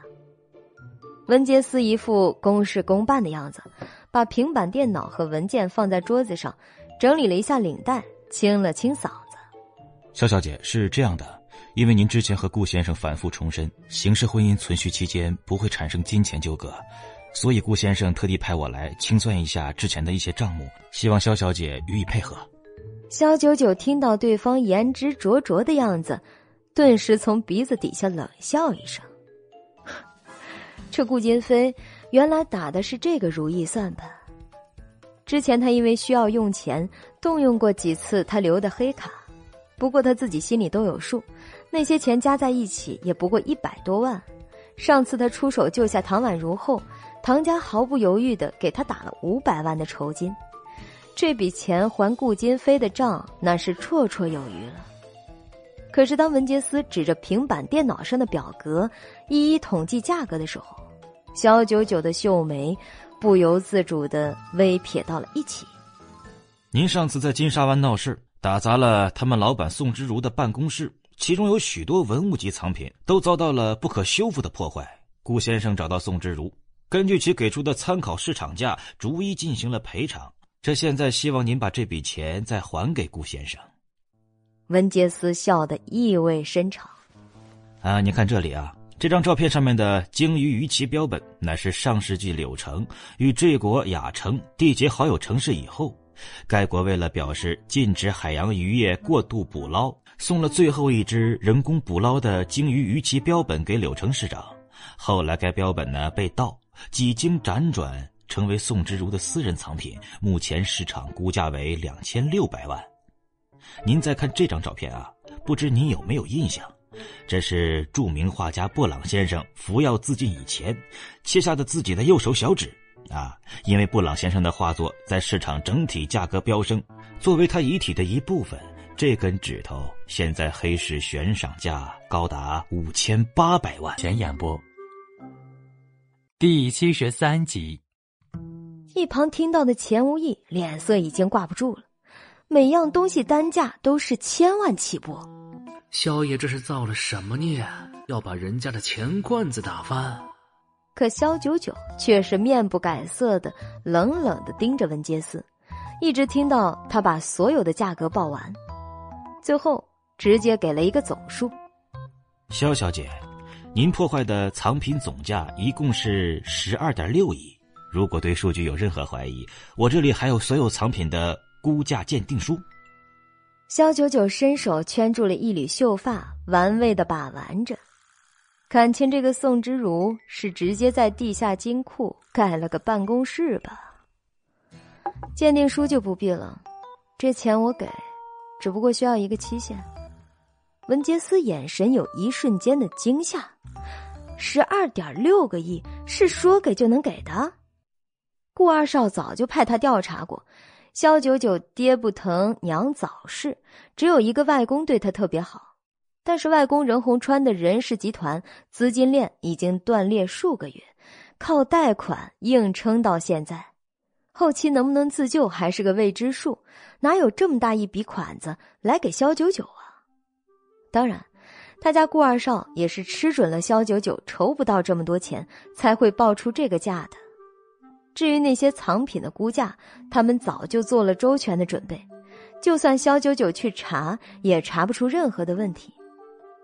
这下就不怕肖九九不主动往坑里跳了，最好是一辈子都爬不出来的那种。不知肖小姐说的期限是多久啊？文杰斯微微眯了下眼睛，感兴趣的问道：“嗯，一个月吧。”肖九九估算了一下自己的时间。刚签的《不灭皇朝》那部戏有点赶，最近都不大能抽出空来，要不然根本用不了这么久的。行，那就给你一个月。温杰斯痛快的答应道，转而嘴角勾起了一抹意味深长的弧度来。呃，肖小姐，我家先生让我转告您，如果实在不行的话，也不用太勉强，大可以告诉他，他不会为难你的。只要肖九九到期拿不出这笔钱来，先生便有的是办法索债。那恐怕要让你家先生失望了。这天下还没有我肖九九办不到的事儿。肖九九眼尾上扬，笑得讥诮。要不是顾金飞突然换了张脸孔暗算他，他也不至于一下没防备着了他的道了。可是他永远都不会明白。钱对于这世上任何的女子都万般重要，唯独对他萧九九，实在是没有比这更容易的事儿了。文杰斯还是保持着绅士的微笑，但毫无疑问，他只把萧九九这番话当成最后的倔强。他甚至迫不及待的想看一个月之后，萧九九拿不出钱，被迫签下卖身契。跟顾先生假戏真做的样子，不得不说，这狗头军师唐诺这招还真灵啊！文杰斯收起平板和文件，愉快的跟肖九九以及钱无义道别。金沙湾宋之如办公室，江东泽举起缠满了绷带的右手，声泪俱下的跪在宋之如跟前。老板，是东泽办事不力，谁知道那个肖九九竟然趁夜里兄弟们都在睡觉，把他们都……一回想起那个血雨腥风的深夜，江东泽至今都是不寒而栗。身为金沙湾的负责人，他手下有三百号弟兄，个个身手不凡。可那个夜晚，肖九九竟一个人将这三百号活生生的弟兄全部残忍杀掉。最后得知消息赶来的他，在伸手不见五指的房间里跟他展开殊死搏杀，结果竟生生的被他卸掉了一只胳膊。等宋之如赶到后，只看到一地血流成河的惨状。这是金沙湾成立三十年以来经历过最惨烈的一次失败，可以说是除了几个首脑人物之外，其余手下都被团灭。老板，东泽别说一条胳膊，就算是这条命都献出去，也无怨无悔。可是小九九，他欺人太甚。根本没把我们金沙湾放在眼里，他还留了，他还留了条子威胁你，这是我们的奇耻大辱呀！如果传了出去以后，以后我们在江湖上如何立足？江东则说到愤慨时，眼里全是可怖的红血丝。大不了以命换命，我这就去把肖九九干掉。等下，宋之如坐在沙发椅上。双手放在胸前，头靠着椅子，望向天花板。江东则一怔，不明白他家老板向来有仇必报，怎么一牵扯到萧九九就犹豫不定了？老板，我自愿去的，不管成功或失败，都跟金沙湾，跟您无关。他想了下，颇有壮士断腕的决心一般，就要开门出去行动。江东泽，你很能打。但是几次交锋，你根本就不是萧九九的对手，你有没有自知之明啊？宋之如依旧望着天花板，不知道在思考些什么。江东则顿住了。可是，这仇也不能不报呀！那天晚上，有人故意的把弟兄们的住处电闸拉掉，为的就是不让别人看清他的脸，在黑暗中，一人杀了三百壮汉。也和你交手过，事后还留了条子。我不认为这是肖九九的行事风格。老板，你是说那人不是肖九九，但也不愿意亮明身份，所以才趁黑？宋之如眼睛定定的看向吊灯，片刻才转向江东泽。肖九九的身上总是带着一股说不清楚的傲慢。打架，他喜欢刚正面，趁人不备或者是摸黑夜袭。这并不是他的行事风格，而那个人虽然说不是他，但是多半跟他有什么联系。宋之如把椅子转了向，看到原来被肖九九打砸的一地碎末的那面玻璃柜，如今早已经换成了崭新的。你知道吗？就在昨天，有人通过老万向我出价十二点六个亿，买下之前被肖九九打碎的那些瓶瓶罐罐。江东则愕然：“老板，你的意思是说，那人多半就是下黑手杀了我们兄弟的人？就算他不是本地人，也是他的手下之类的。他们所有出手都是为了萧九九。我那些瓶瓶罐罐根本连一千万都不到，对方出手阔绰，就当是买下了这三百个兄弟的命吧。既然如此。”就问清楚老万对方是什么来头，然后顺藤摸瓜，把他们给……江东泽话还没说完，宋之如就抄起桌上的一只羚羊角，对着他的头狠狠的砸了过去。江东则避之不及，生生的被砸得血流如注。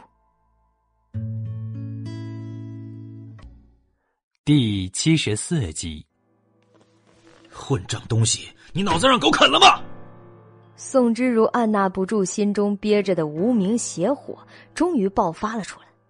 但随即，他狂怒的眼眸又瞬间的柔和下来。对不住了，东泽，刚才有点失控了。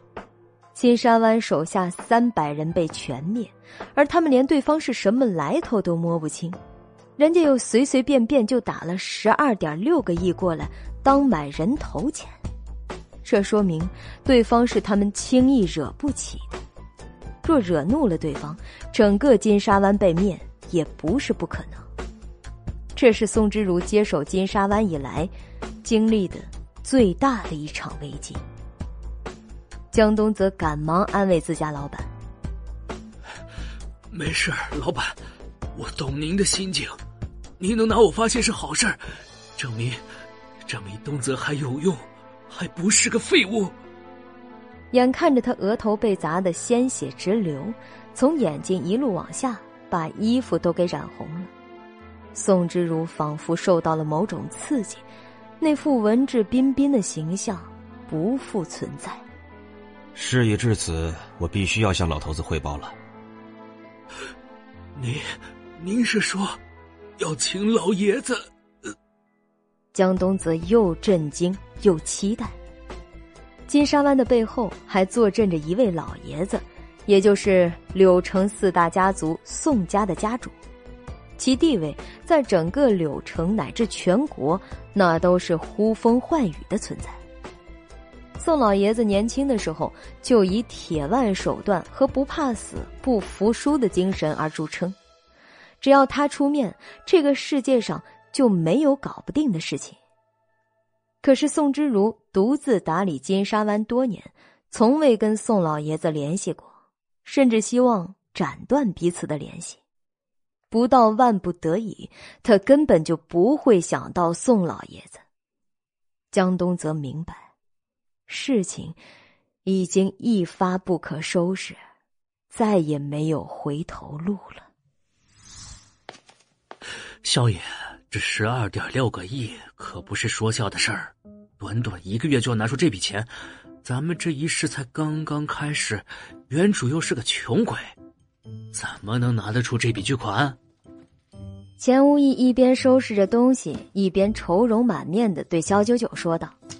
肖九九却是叼着根雪糕，依旧在游戏的世界里纵横驰骋，完全不以为意。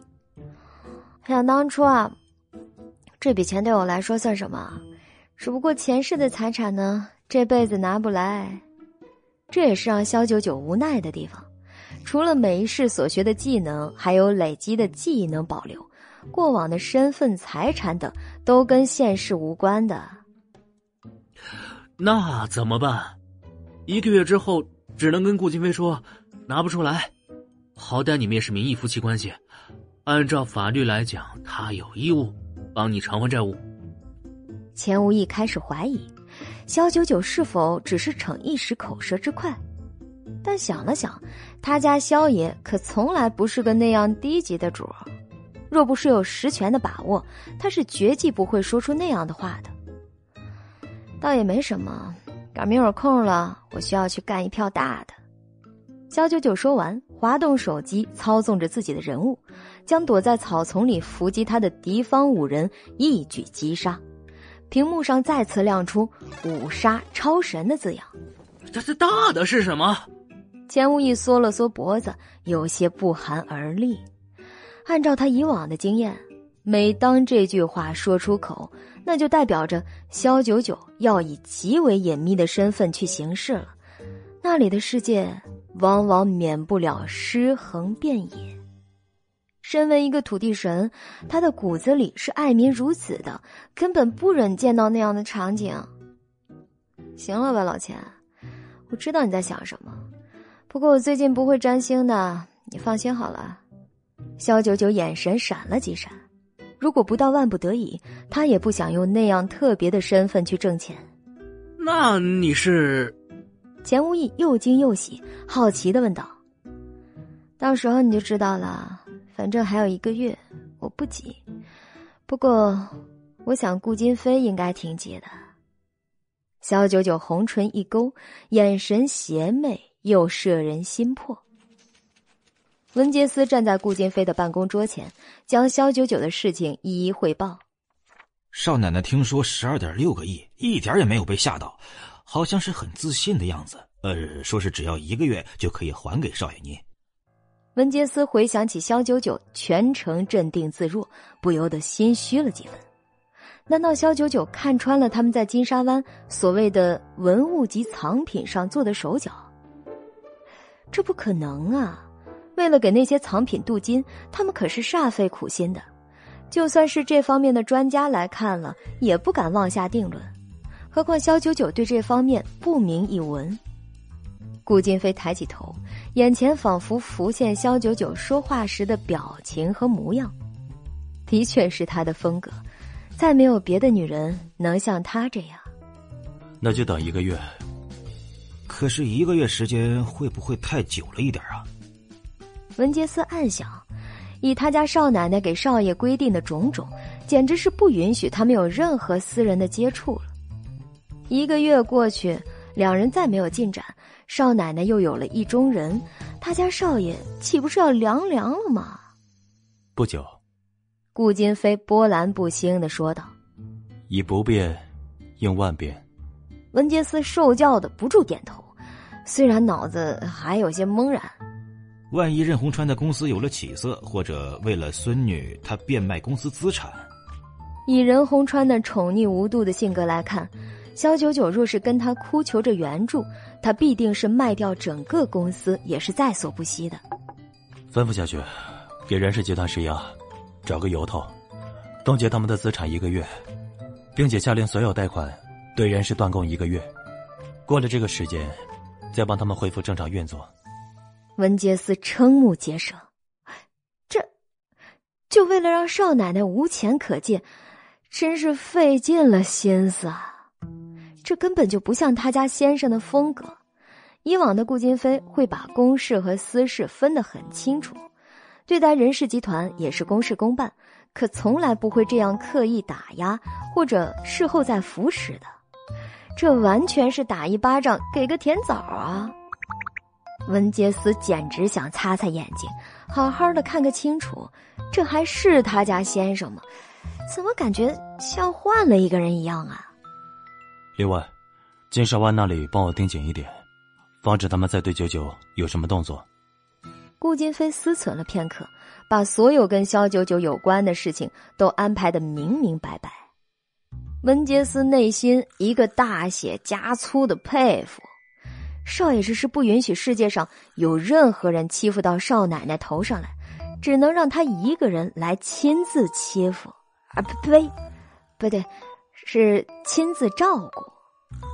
但他表面上还是不动声色，默默的点头。第七十五集，肖九九搬家前特地把那辆红色法拉利开回了别墅，虽然这车开得很趁手，他也很喜欢。但想到顾金飞对他挖坑，这车还是不开为好。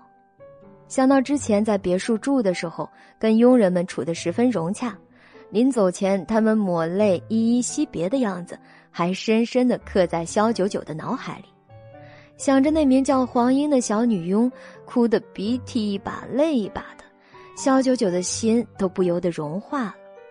还未下车，唇角就不自觉的勾起。我回来啦！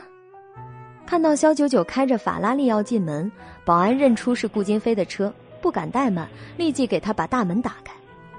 但肖九九进了别墅以后，并没有想象中佣人们集体跑来欢迎他的场景。他有些疑惑的下了车，往别墅的主体走过去。进了自己曾十分熟悉的地方，却看到来来去去忙碌的佣人都是些生面孔。一个正在仔细擦拭着一人高古董花瓶的女佣，一见到萧九九，自然而然的弯腰低头行礼。除此之外，话都不敢多说一句。你们管家呢？叫他过来见我。萧九九忽然察觉出哪里不对劲儿，管家随后赶来，对着萧九九深度鞠躬。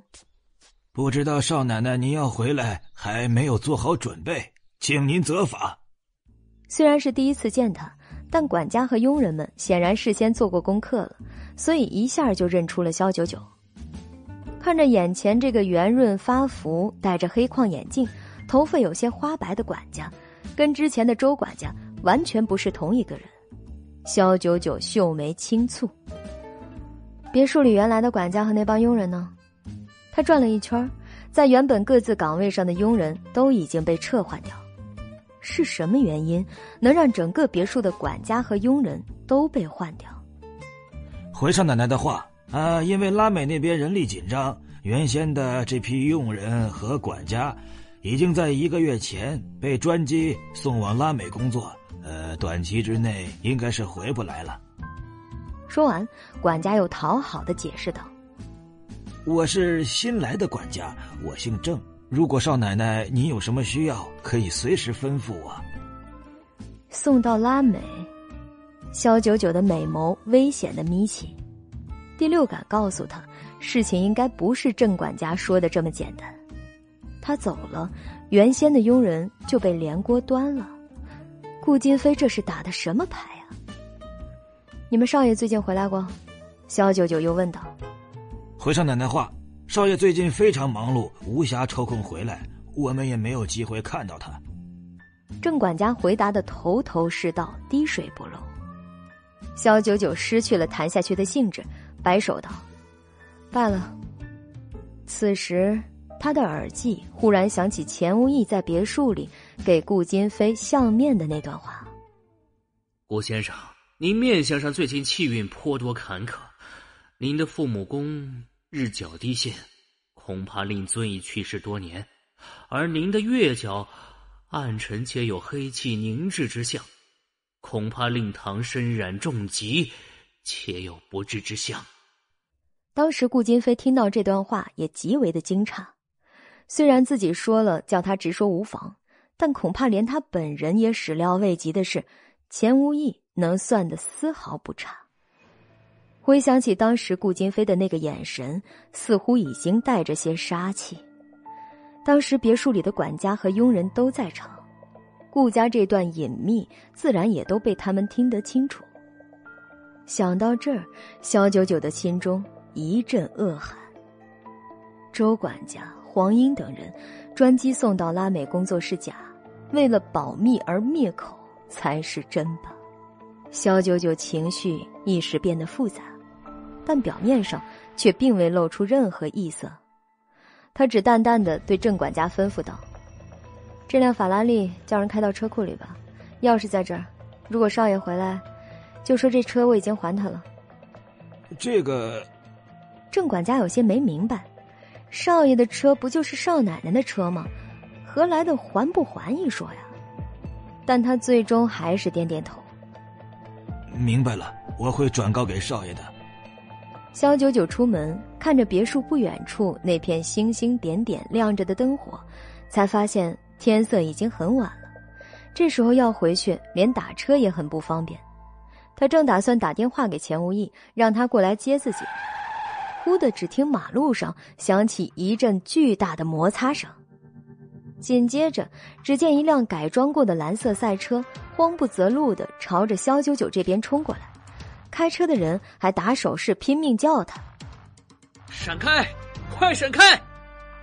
肖九九立刻轻轻一个纵身，跳到五米开外的地方。只听“砰”的一声闷响，那辆蓝色赛车结结实实的撞在了他身后的护栏上，同时车头开始冒烟起火。这是很危险的征兆，而开赛车的人戴着头盔，一副呼吸困难、行动不便的样子，迟钝的想要把自己的腿从座椅上拔出来，却怎么都拔不出来。肖九九见状，直接走到那辆车前，伸手稍一用力，就把他连人带车给拽了出来。将人转移到安全地带后，确定车辆即使爆炸也不会影响到自己。肖九九这才把那人的头盔给摘了下来，方便他透气。而拿掉头盔，双方视线对上的刹那，对方差点惊掉了下巴。你，你不是那个……啊！阿燕想了半天，她还真不知道这位神仙小姐姐叫什么名字，因为当时她根本没告诉自己。肖九九也认出了她来，你是阿燕吧？之前他曾经误打误撞的跟她赛过几圈车。阿燕见肖九九还记得自己，连连点头，又惊又喜。是啊，没想到你还记得我，更没想到我们再次见面的时候，我会这么惨。你怎么把赛车开到公路上来了，而且还弄成这样？肖九九看着远处那辆还冒烟的赛车，如果不采取措施的话，不出一个小时，这辆车就会被烧成焦炭。可惜了，这辆车改装过，性能还是不错的。阿燕的瞳孔里映着燃烧的车头，眼神有些无奈和哀伤。我是被人……他话音还未落，忽然马路上又响起了巨大刺耳的轮胎擦地声音。一辆、两辆、三辆接踵而至，阿燕见状大惊失色，狠狠的骂道：“操他大爷的！都这样了还不肯放过我！”随即又挣扎着站起来，急忙推着肖九九道：“你快走，快回家去，他们人多，不知道会发生什么，不要连累了你。”但出乎意料的是。肖九九像是见惯了这种场面，一点都没有受到惊吓的样子。他淡然的站起身：“你车上有灭火器吗？”阿燕瞪大了眼睛，不明所以。这个紧急关头还问灭火器干嘛呀？不是应该赶紧逃走吗？我问你有灭火器没有？肖九九提高音量又问了一遍：“有，有。”阿燕下意识的回道，心里却是慌乱一团的。不知道这神仙小姐姐要做什么。大家好，我是公园之前啊，为了方便记忆，你们这于暖暖由加菲不会飞领衔演播，后期制作陶幺幺。第七十六集，正好我回去没车，一会儿借你车用一下，可不可以啊？肖九九说着，就走到阿燕那辆烧得越来越严重的车前，拿起车后座工具箱里的灭火器，对着就是一阵猛喷。只见白烟缭绕，不多时，不太大的火势就被扑灭了。肖九九又打开了车头，探身往里检查了一番，自言自语道：“就是看起来夸张，其实发动机还是能用的，跑个二百公里不成问题。”说罢，他直接拿起了几样工具，对着车头里那眼花缭乱的设备就是一通操作，姿势熟练的就像是在摆弄玩具一样。阿燕目瞪口呆的看着肖九九，有点怀疑他家里是不是开汽修厂的呀？他认识龙龙吗？没多会儿功夫，肖九九把车头合上，轻松的吐出两个字：“搞定。”车头的金属框架虽然被烧的有点黑了，但车还是可以开的。只是这样的车开起来也随时可能发生危险。肖九九直接上车，坐在驾驶位上，又对着还发呆的阿燕说道：“还不上来？”阿燕紧张到不知说什么好。这车不能开，你还是快走吧，这里危险。肖九九叹了口气。啰里吧嗦的，一点都不像个男人的样子。那你意思是宁愿被揍死在这儿，都不愿意上车啊？这时，从追来的三辆车上陆续跳下来几个人，男的穿着背心，挂着大金链子，肩膀上都有刺青；女的则穿着吊带，挂着夸张的大耳环。你这惹的什么人呢？肖九九拧眉，这些一看就不是什么善类，比阿燕那些手下更加难入眼。是些玩地下赛车的，不小心碰到了。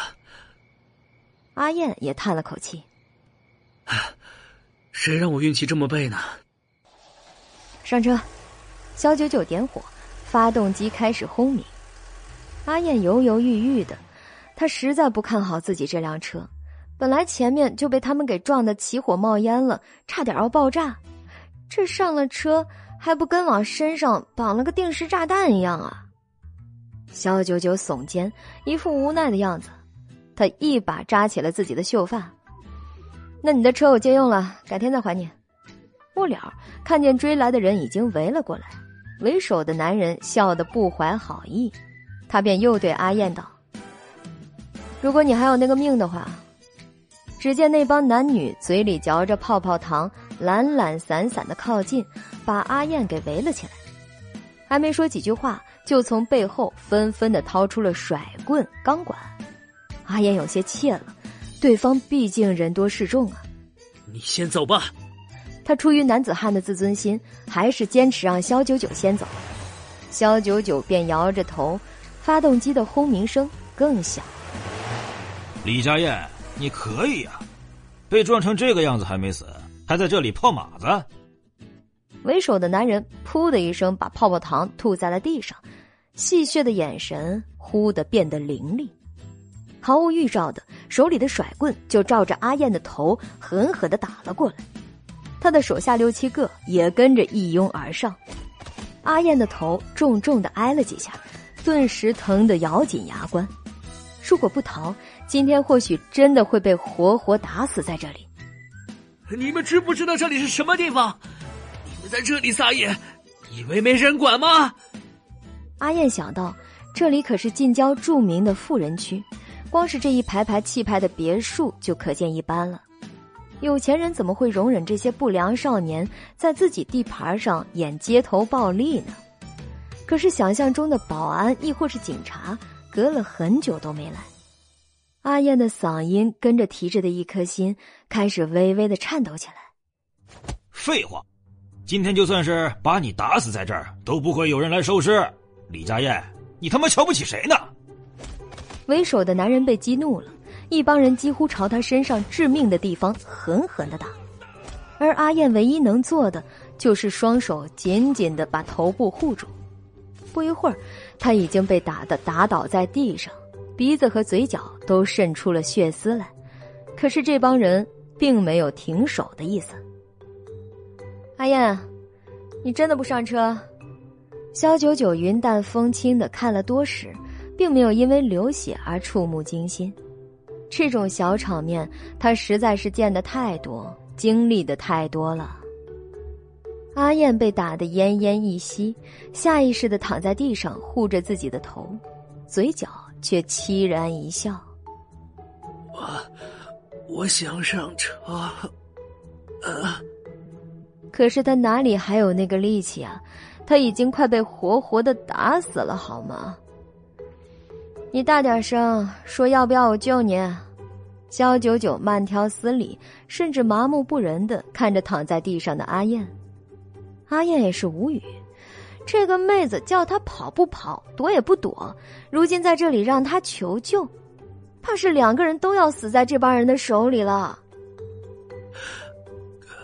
跟跟你没关系，你快走吧。阿燕唯一祈祷的就是这帮人不要殃及肖九九，毕竟他是真的无辜。臭傻逼，死到临头了还给老子秀恩爱啊！为首的男人穿着厚重的军靴，狠命的一脚踢在阿燕的肚子上。啊！阿燕的五脏六腑仿佛都被踢碎了，疼得差点当场死掉，捂着肚子不停的翻滚起来。喂，阿燕。你真的快要被打死了，只要你让我救你，还能有一线生机。肖九九全程看着那帮人的每个动作，虽然看上去很疼，但那力度却并不致命。不过再好的体格也架不住这暴风骤雨的殴打，时间长了总要出事的。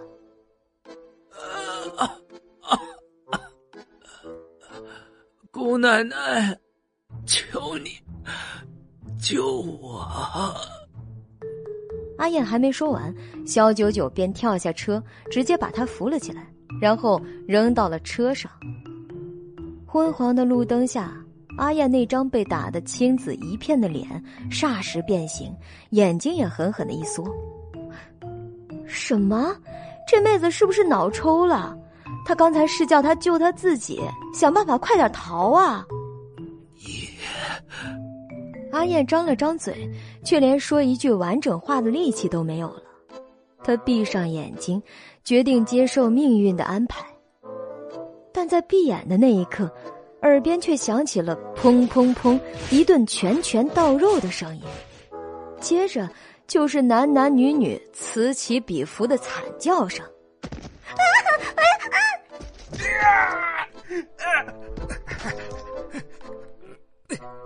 我去你个臭娘们儿！你竟敢！为首的一看，肖九九分分钟打得他小弟满地找牙，不敢置信，拎着甩棍照着肖九九的脸就狠狠打来。下一秒，肖九九轻松躲过，来到他的身后，把拿着甩棍的手照着经络狠狠一折。本集已播讲完毕，我是加菲。这部剧的推荐指数是五颗星。如果大家喜欢的话，一定要订阅专辑。给第七十七集，一声响彻天际的惨叫声后，他的甩棍掉落在地上，手再也动不了。接着，肖九九一个利落的过肩摔，人高马大的男人被结结实实的摔在了地上，脑壳重重的磕在了坚硬的水泥地上。他还瞪着眼望着肖九九。半天都回不过神儿来，一群废物，没本事就不要在外面装逼。肖九九说完，重新上了阿燕的车，那摇摇晃晃、轻松愉快的马尾辫从此成为了这伙不良少年的心理阴影。肖九九狠踩油门，急速在马路上狂奔，那风声好似鬼叫一般。惊得旁边昏睡过去的阿燕又醒了过来，看到肖九九在开车，顿时吓了一跳。他们人呢？你没事吧？没事啊，我救了你，你应该谢谢我。肖九九边目不转睛的开车边说道。阿燕记得自己确实听到了打斗的声音，但却不曾看到过程。直到他挣扎着起来，看到后面确实没有车跟来。这才长长的出了一口气。不管怎样，他死里逃生，活过来了。谢谢，想不到你不仅车开的好，还挺能打。阿燕悄悄的瞄了一眼肖九九，他脸上干干净净，一点伤痕都没有。看来刚才那场打斗，他毫发未损。他真是严重低估了这个妞了，人美车技好还能打，看什么看啊？肖九九从后视镜里瞄见阿燕的眼神，一副情窦初开少年郎见到心上人的样子。看到自己心思被撞破，阿燕的脸竟一直红到了耳后根，还好夜里看不太清楚，不然她就太丢人了。A 报的小仙女。他阿燕这颗心算是从此沦落了。我能问问你的名字吗？啊，你救了我，我想好好的找个机会，谢谢你。邹荣，肖九九熟练的报上自己的假名，阿燕却用心的记了下来。邹仙女，今天的大恩大德。我阿燕永远不会忘记的。如果你方便的话，明天我想请吃个饭，可以吗？我看你还是先把身上的伤治好吧。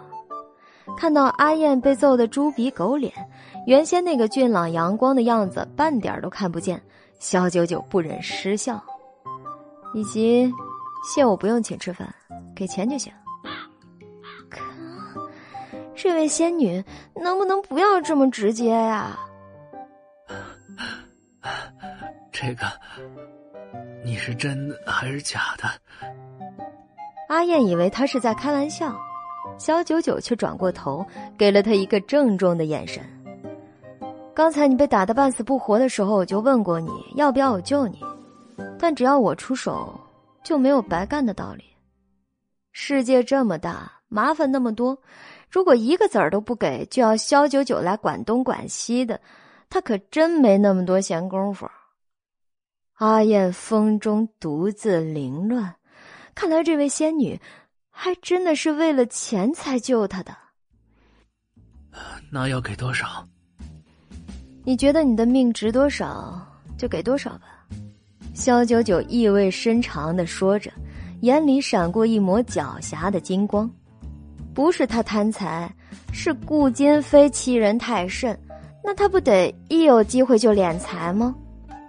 啊，这个阿燕竟然无言以对，想想他说的还真有几分道理。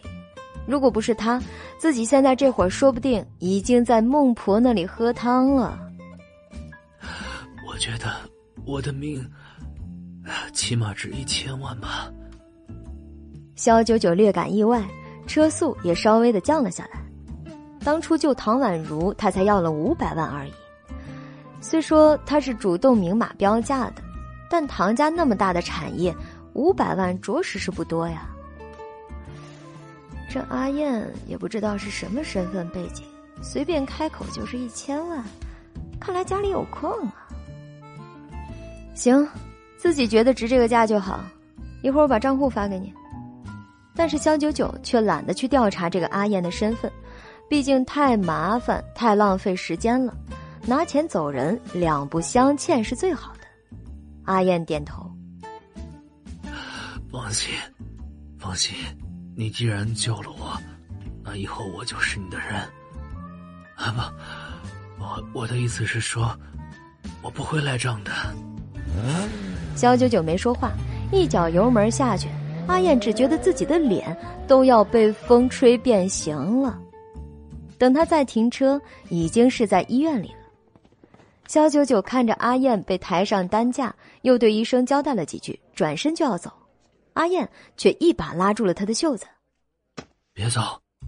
嘿，虽然我救了你，但你真的不用以身相许，给钱，记住给钱就行了。我的手机号你还没记，一会儿怎么发账号给我？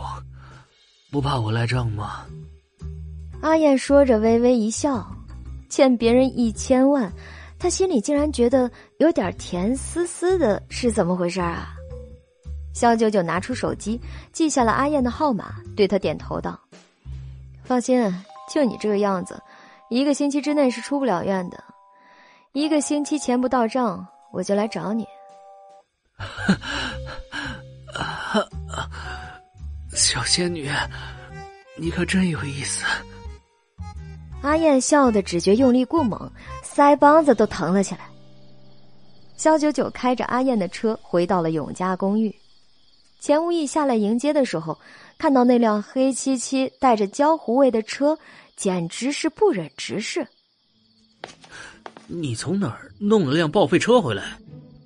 别人送的。肖九九言简意赅，他说的是实话呀。阿燕非说这辆车已经是废品，让他想要就开走。其实他检查过，里面大部分的配件都是正常运作的，而且改装本身价钱不菲，哪怕卖二手也能卖个七八十万吧。钱无义不懂车，嫌弃的看了看。哎呦。这车也太寒碜了，配得上萧爷您？不妨事儿，没花钱捞辆车就不错了。现在要开源节流，回头给车身整整，又是辆好车了。第二天一早，两人在公寓里收拾好物品，叫了搬家公司来。一时间不停有人进进出出，很是热闹的样子。就在肖九九指挥搬家公司的人搬出最后一箱子东西。一抬眸，却看到对面顾金飞的大门忽然敞开了。只见穿着西装的房产中介带着一对男女，无比热情的介绍起这套房子。呃，这套房三个卧室朝南，大开间，风水好。呃，房东可是很有钱的大老板，如果不好的话，他是不会卖这套房子的。前演播第七十八集。你们是来看房子的？钱无意嘴快的问了一句，那中介非常自然的回答：“呃，是啊，房主昨天才委托给我们公司的。呃，怎么，你也想看房子吗？”没兴趣。肖九九轻轻吐出三个字，又斜睨一眼钱无意：“老钱，走了。”啊，不是。钱无意追上萧九九，又回头看看。哎，顾金飞那厮，早不走，晚不走，这个时候走。是不是又要给我们整什么幺蛾子？啊你管他干嘛呀？他还能整出什么幺蛾子啊？人家现在可是我最大的债主，根本不用耍别的手段。肖九九淡泊如水的说道。两人随着搬家公司一起，终于到了新租的公寓。比起永嘉，这套地处市中心，四通八达，周边生活非常方便，当然房租也贵出了一大截儿了。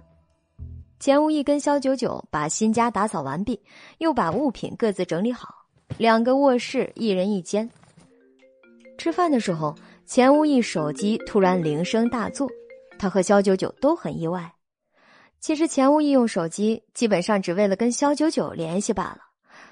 当然，前一阵的唐宛如那是个意外。你好，钱先生。那头一个温柔的女音，就像客服一样。你好，请问你是？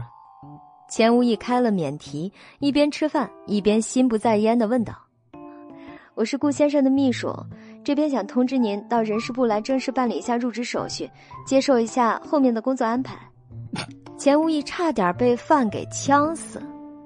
什什什么入职手续？工作安排？钱先生，您前不久跟顾先生签订了合同，已经成为我们山文公司的正式员工了。只不过考虑到您工作内容的特殊性，一直没让您来公司。现在总裁让我正式通知您来人事部报道，并且接受新的工作安排，否则按旷工处理，三天内予以开除哦。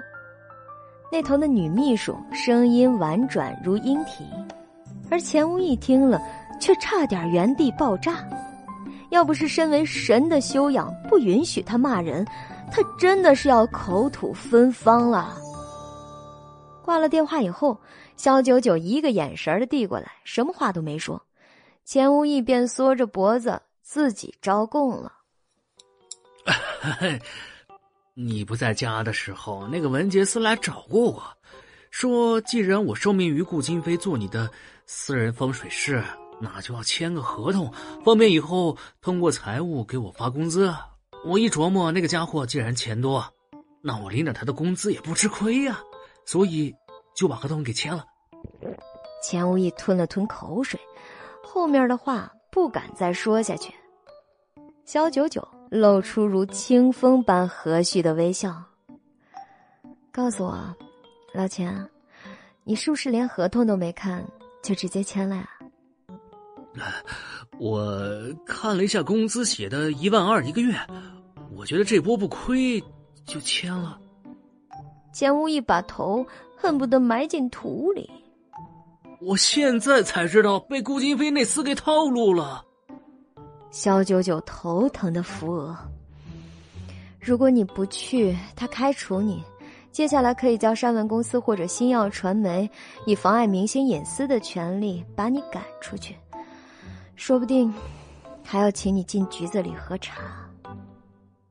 钱无义被吓得俊脸苍白。那怎么办？身为一个土地神，被凡人如此套路，啊？你真的是给我们神仙丢脸呐！肖九九一琢磨，就觉得顾金飞这家伙真的是阴险狡诈。他答应了不干涉他的自由，以后也不会以私人原因来找他，可是他却紧紧盯着他身边的钱无义，这就是吃准了他不会不管钱无义的事情。哼，那我就还不去了。他爱开除就开除，我说我私人受雇于你。不就完了？阿钱，你跟着我混了几百年，怎么脑子还那么简单呢？肖九九轻叹一口气。顾金飞作为商人中的顶尖者，他想动你还不简单呢？他们法务部都是业界翘楚，有一百种办法可以让你身败名裂，根本别想留在我身边。顾金飞。我还真是小看他了。既然如此，那我略施法术，给他来个失忆。钱无义说着，就要拿神像解封法力。萧九九一把夺下，冷飕飕的道：“身在凡间，不受到凡间法律约束，也会受到天条的限制。滥用法力的后果，你应该比我清楚。”上次唐宛如已经是意外中的意外，绝不可能因顾金飞再故伎重演一次。钱无义彻底被击溃了，头深深的埋在双肩，手指插进头发里，懊悔又沮丧。一个不小心，他就被顾金飞给算计了。看来以后一定要小心提防那厮。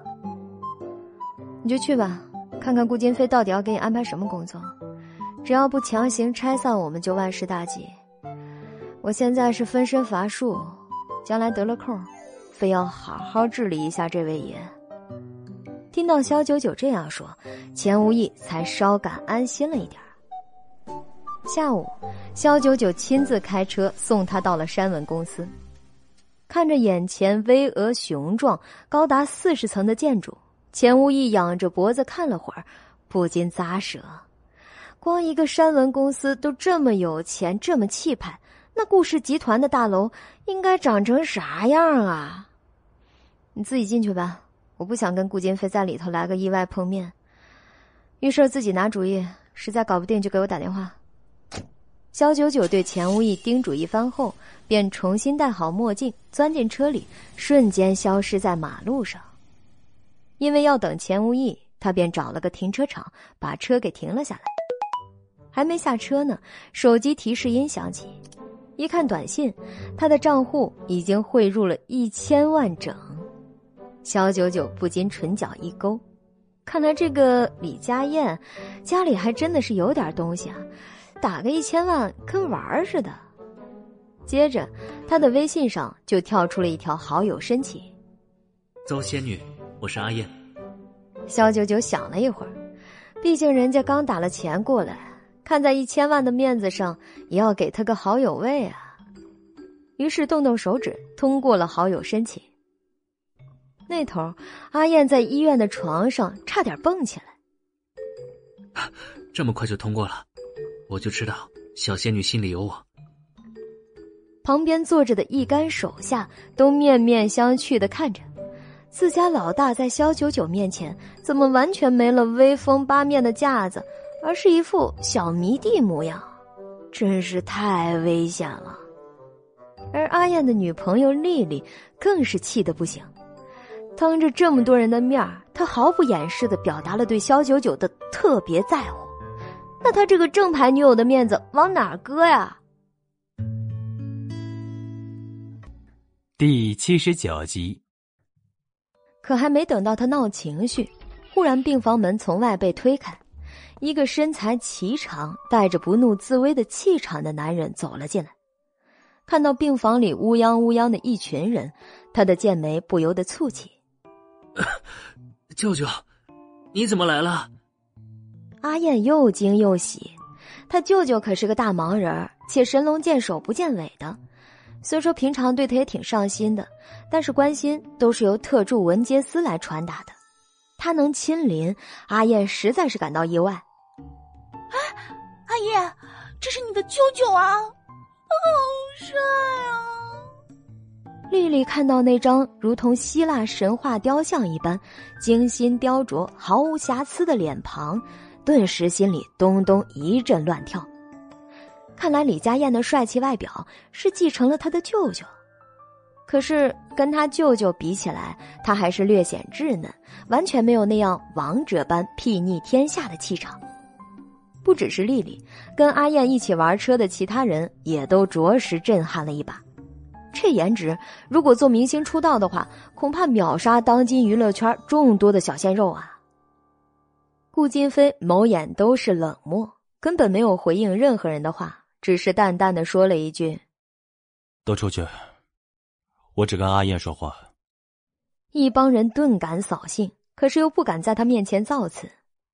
等这一帮人悻悻然的走出病房了，顾金飞才让文杰斯把门关上。舅舅，你今天怎么有空来看我？你成天在外游手好闲，飙车打架，不思进取。我今天是替你妈来好好教训你。比起李佳燕那张喜笑颜开的脸，顾金飞冷的就像是一块千年的寒冰。阿燕差点咬住了自己的舌头。我都住院了，你还要来教训我？姨妈知道你顽劣，他们教育不了你。我来。顾金飞不疾不徐的坐下，眼神投向阿燕。我的话，若你不听，后果你是知道的。阿燕一震，不由得缩了缩脖子。在外面他是老大，一帮子小弟都尊敬他、崇拜他，可是，在他舅舅顾金飞面前，他真的就是个弟弟而已。从小到大这么些年了，每当他不听话，他妈说的最多的不是用警察，而是用“舅舅来了”来恐吓他。舅舅，我这次九死一生，要不是有人救我，我差点命都没了。你知道吗？你就可怜可怜我，等我伤养好了，再教训我吧。阿燕苦着脸，想尽办法让顾金飞不要训他。毕竟他才刚刚在微信上加了肖九九，对方也答应了要来医院看他。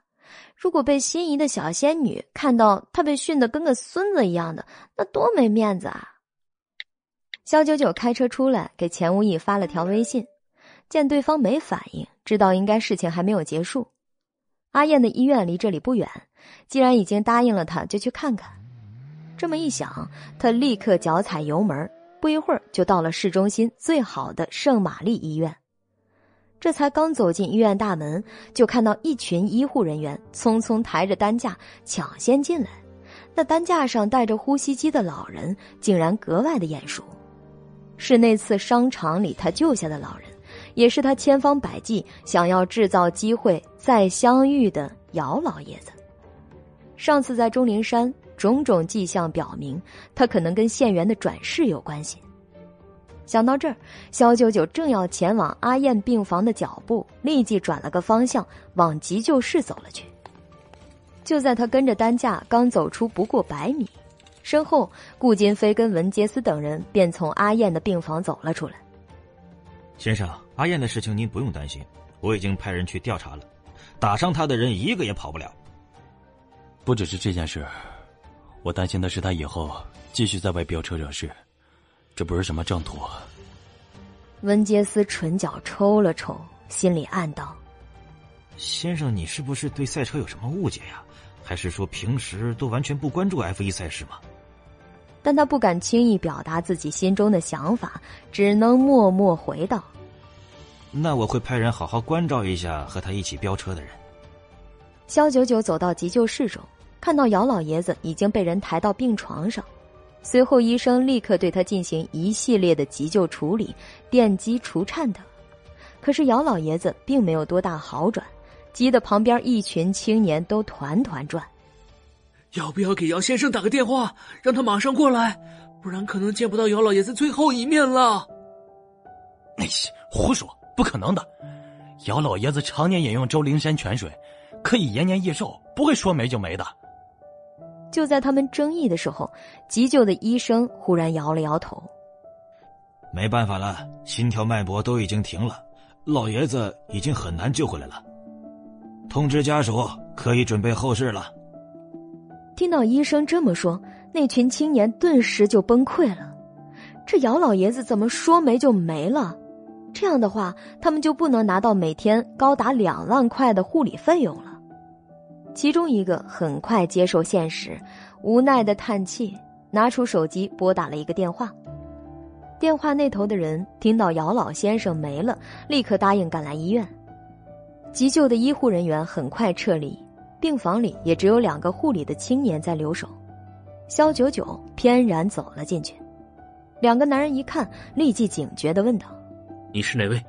肖九九嫣然一笑：“ 姚老爷子还有救，只要让我试试就知道了。”这时，那两个青年才看清了肖九九，顷刻就被他完美的外表和仙气飘飘的气质直接给俘获了。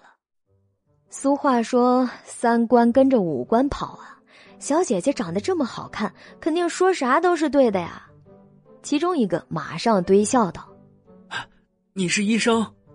肖九九摇头，语气平静的说道：“学过些医术，反正老爷子已经没救了，何不让我试试呢？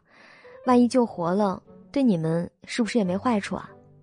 两个人想了想，好像还真的是这么回事儿。于是就带着几分好奇，给肖九九让开了路。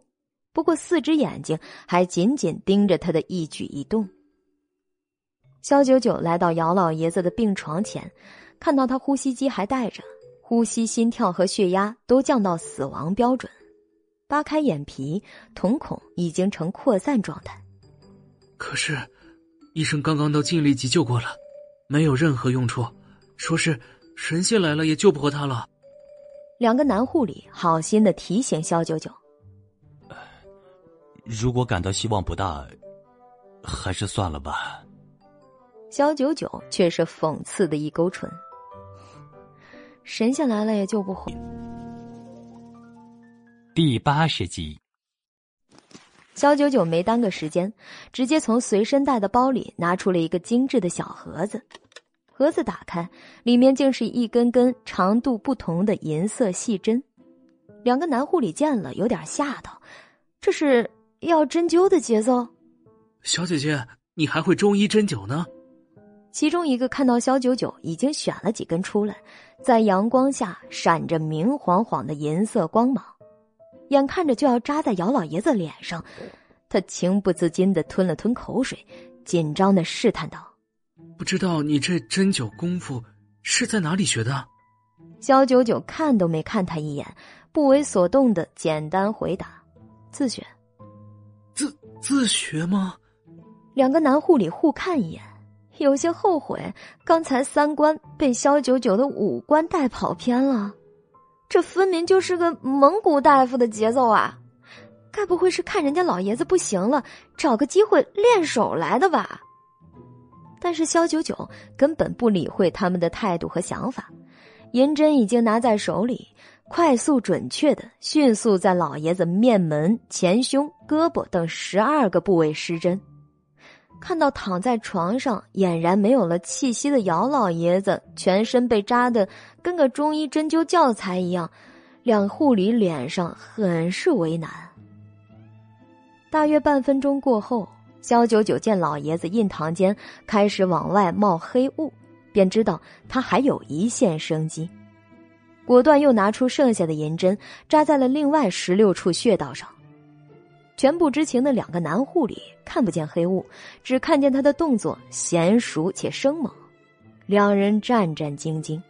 转眼间，姚老爷子这都已经被扎成了个刺猬了。一会儿，若是姚先生来看到了，这还能得了？过了会儿，只见姚老爷子扎满针的手忽然抽动了一下，他他好像动了。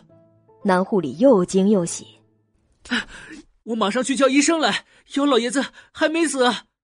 别动，不要叫人。肖九九低声喝止了他们。两人已经走到门口，见他一脸怒意，不由自主的停了下来。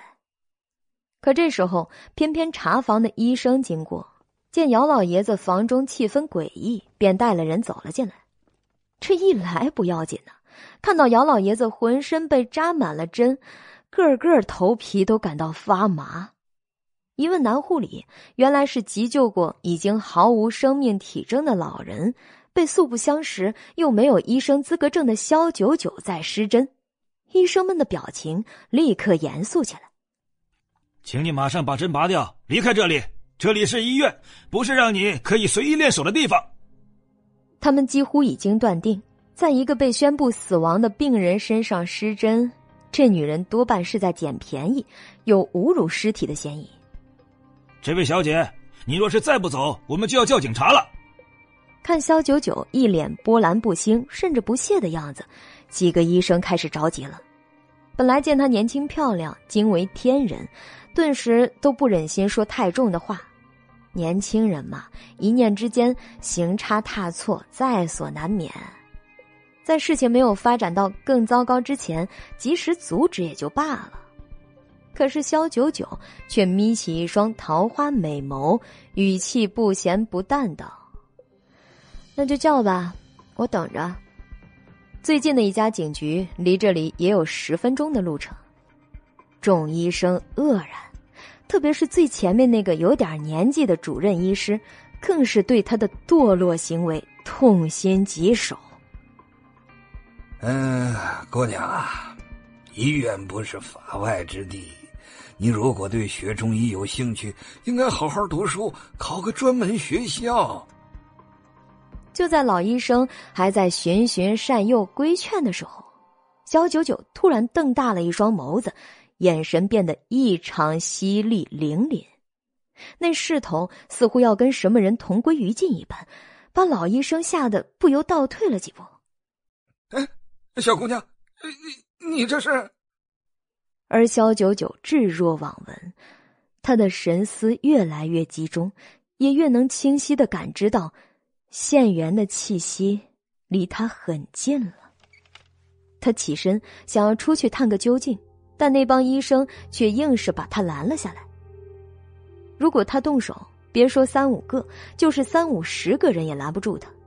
可是肖九九还没出手，陡然看到病房的门从外被推开。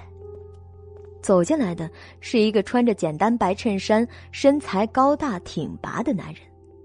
肖九九在和他四目相对的一瞬间，瞳孔也狠狠的缩了起来。数百年来，凡间几乎没有任何人、任何事能影响到他的心绪。可是，在见到来者的一瞬，他的气息还是紊乱了几分。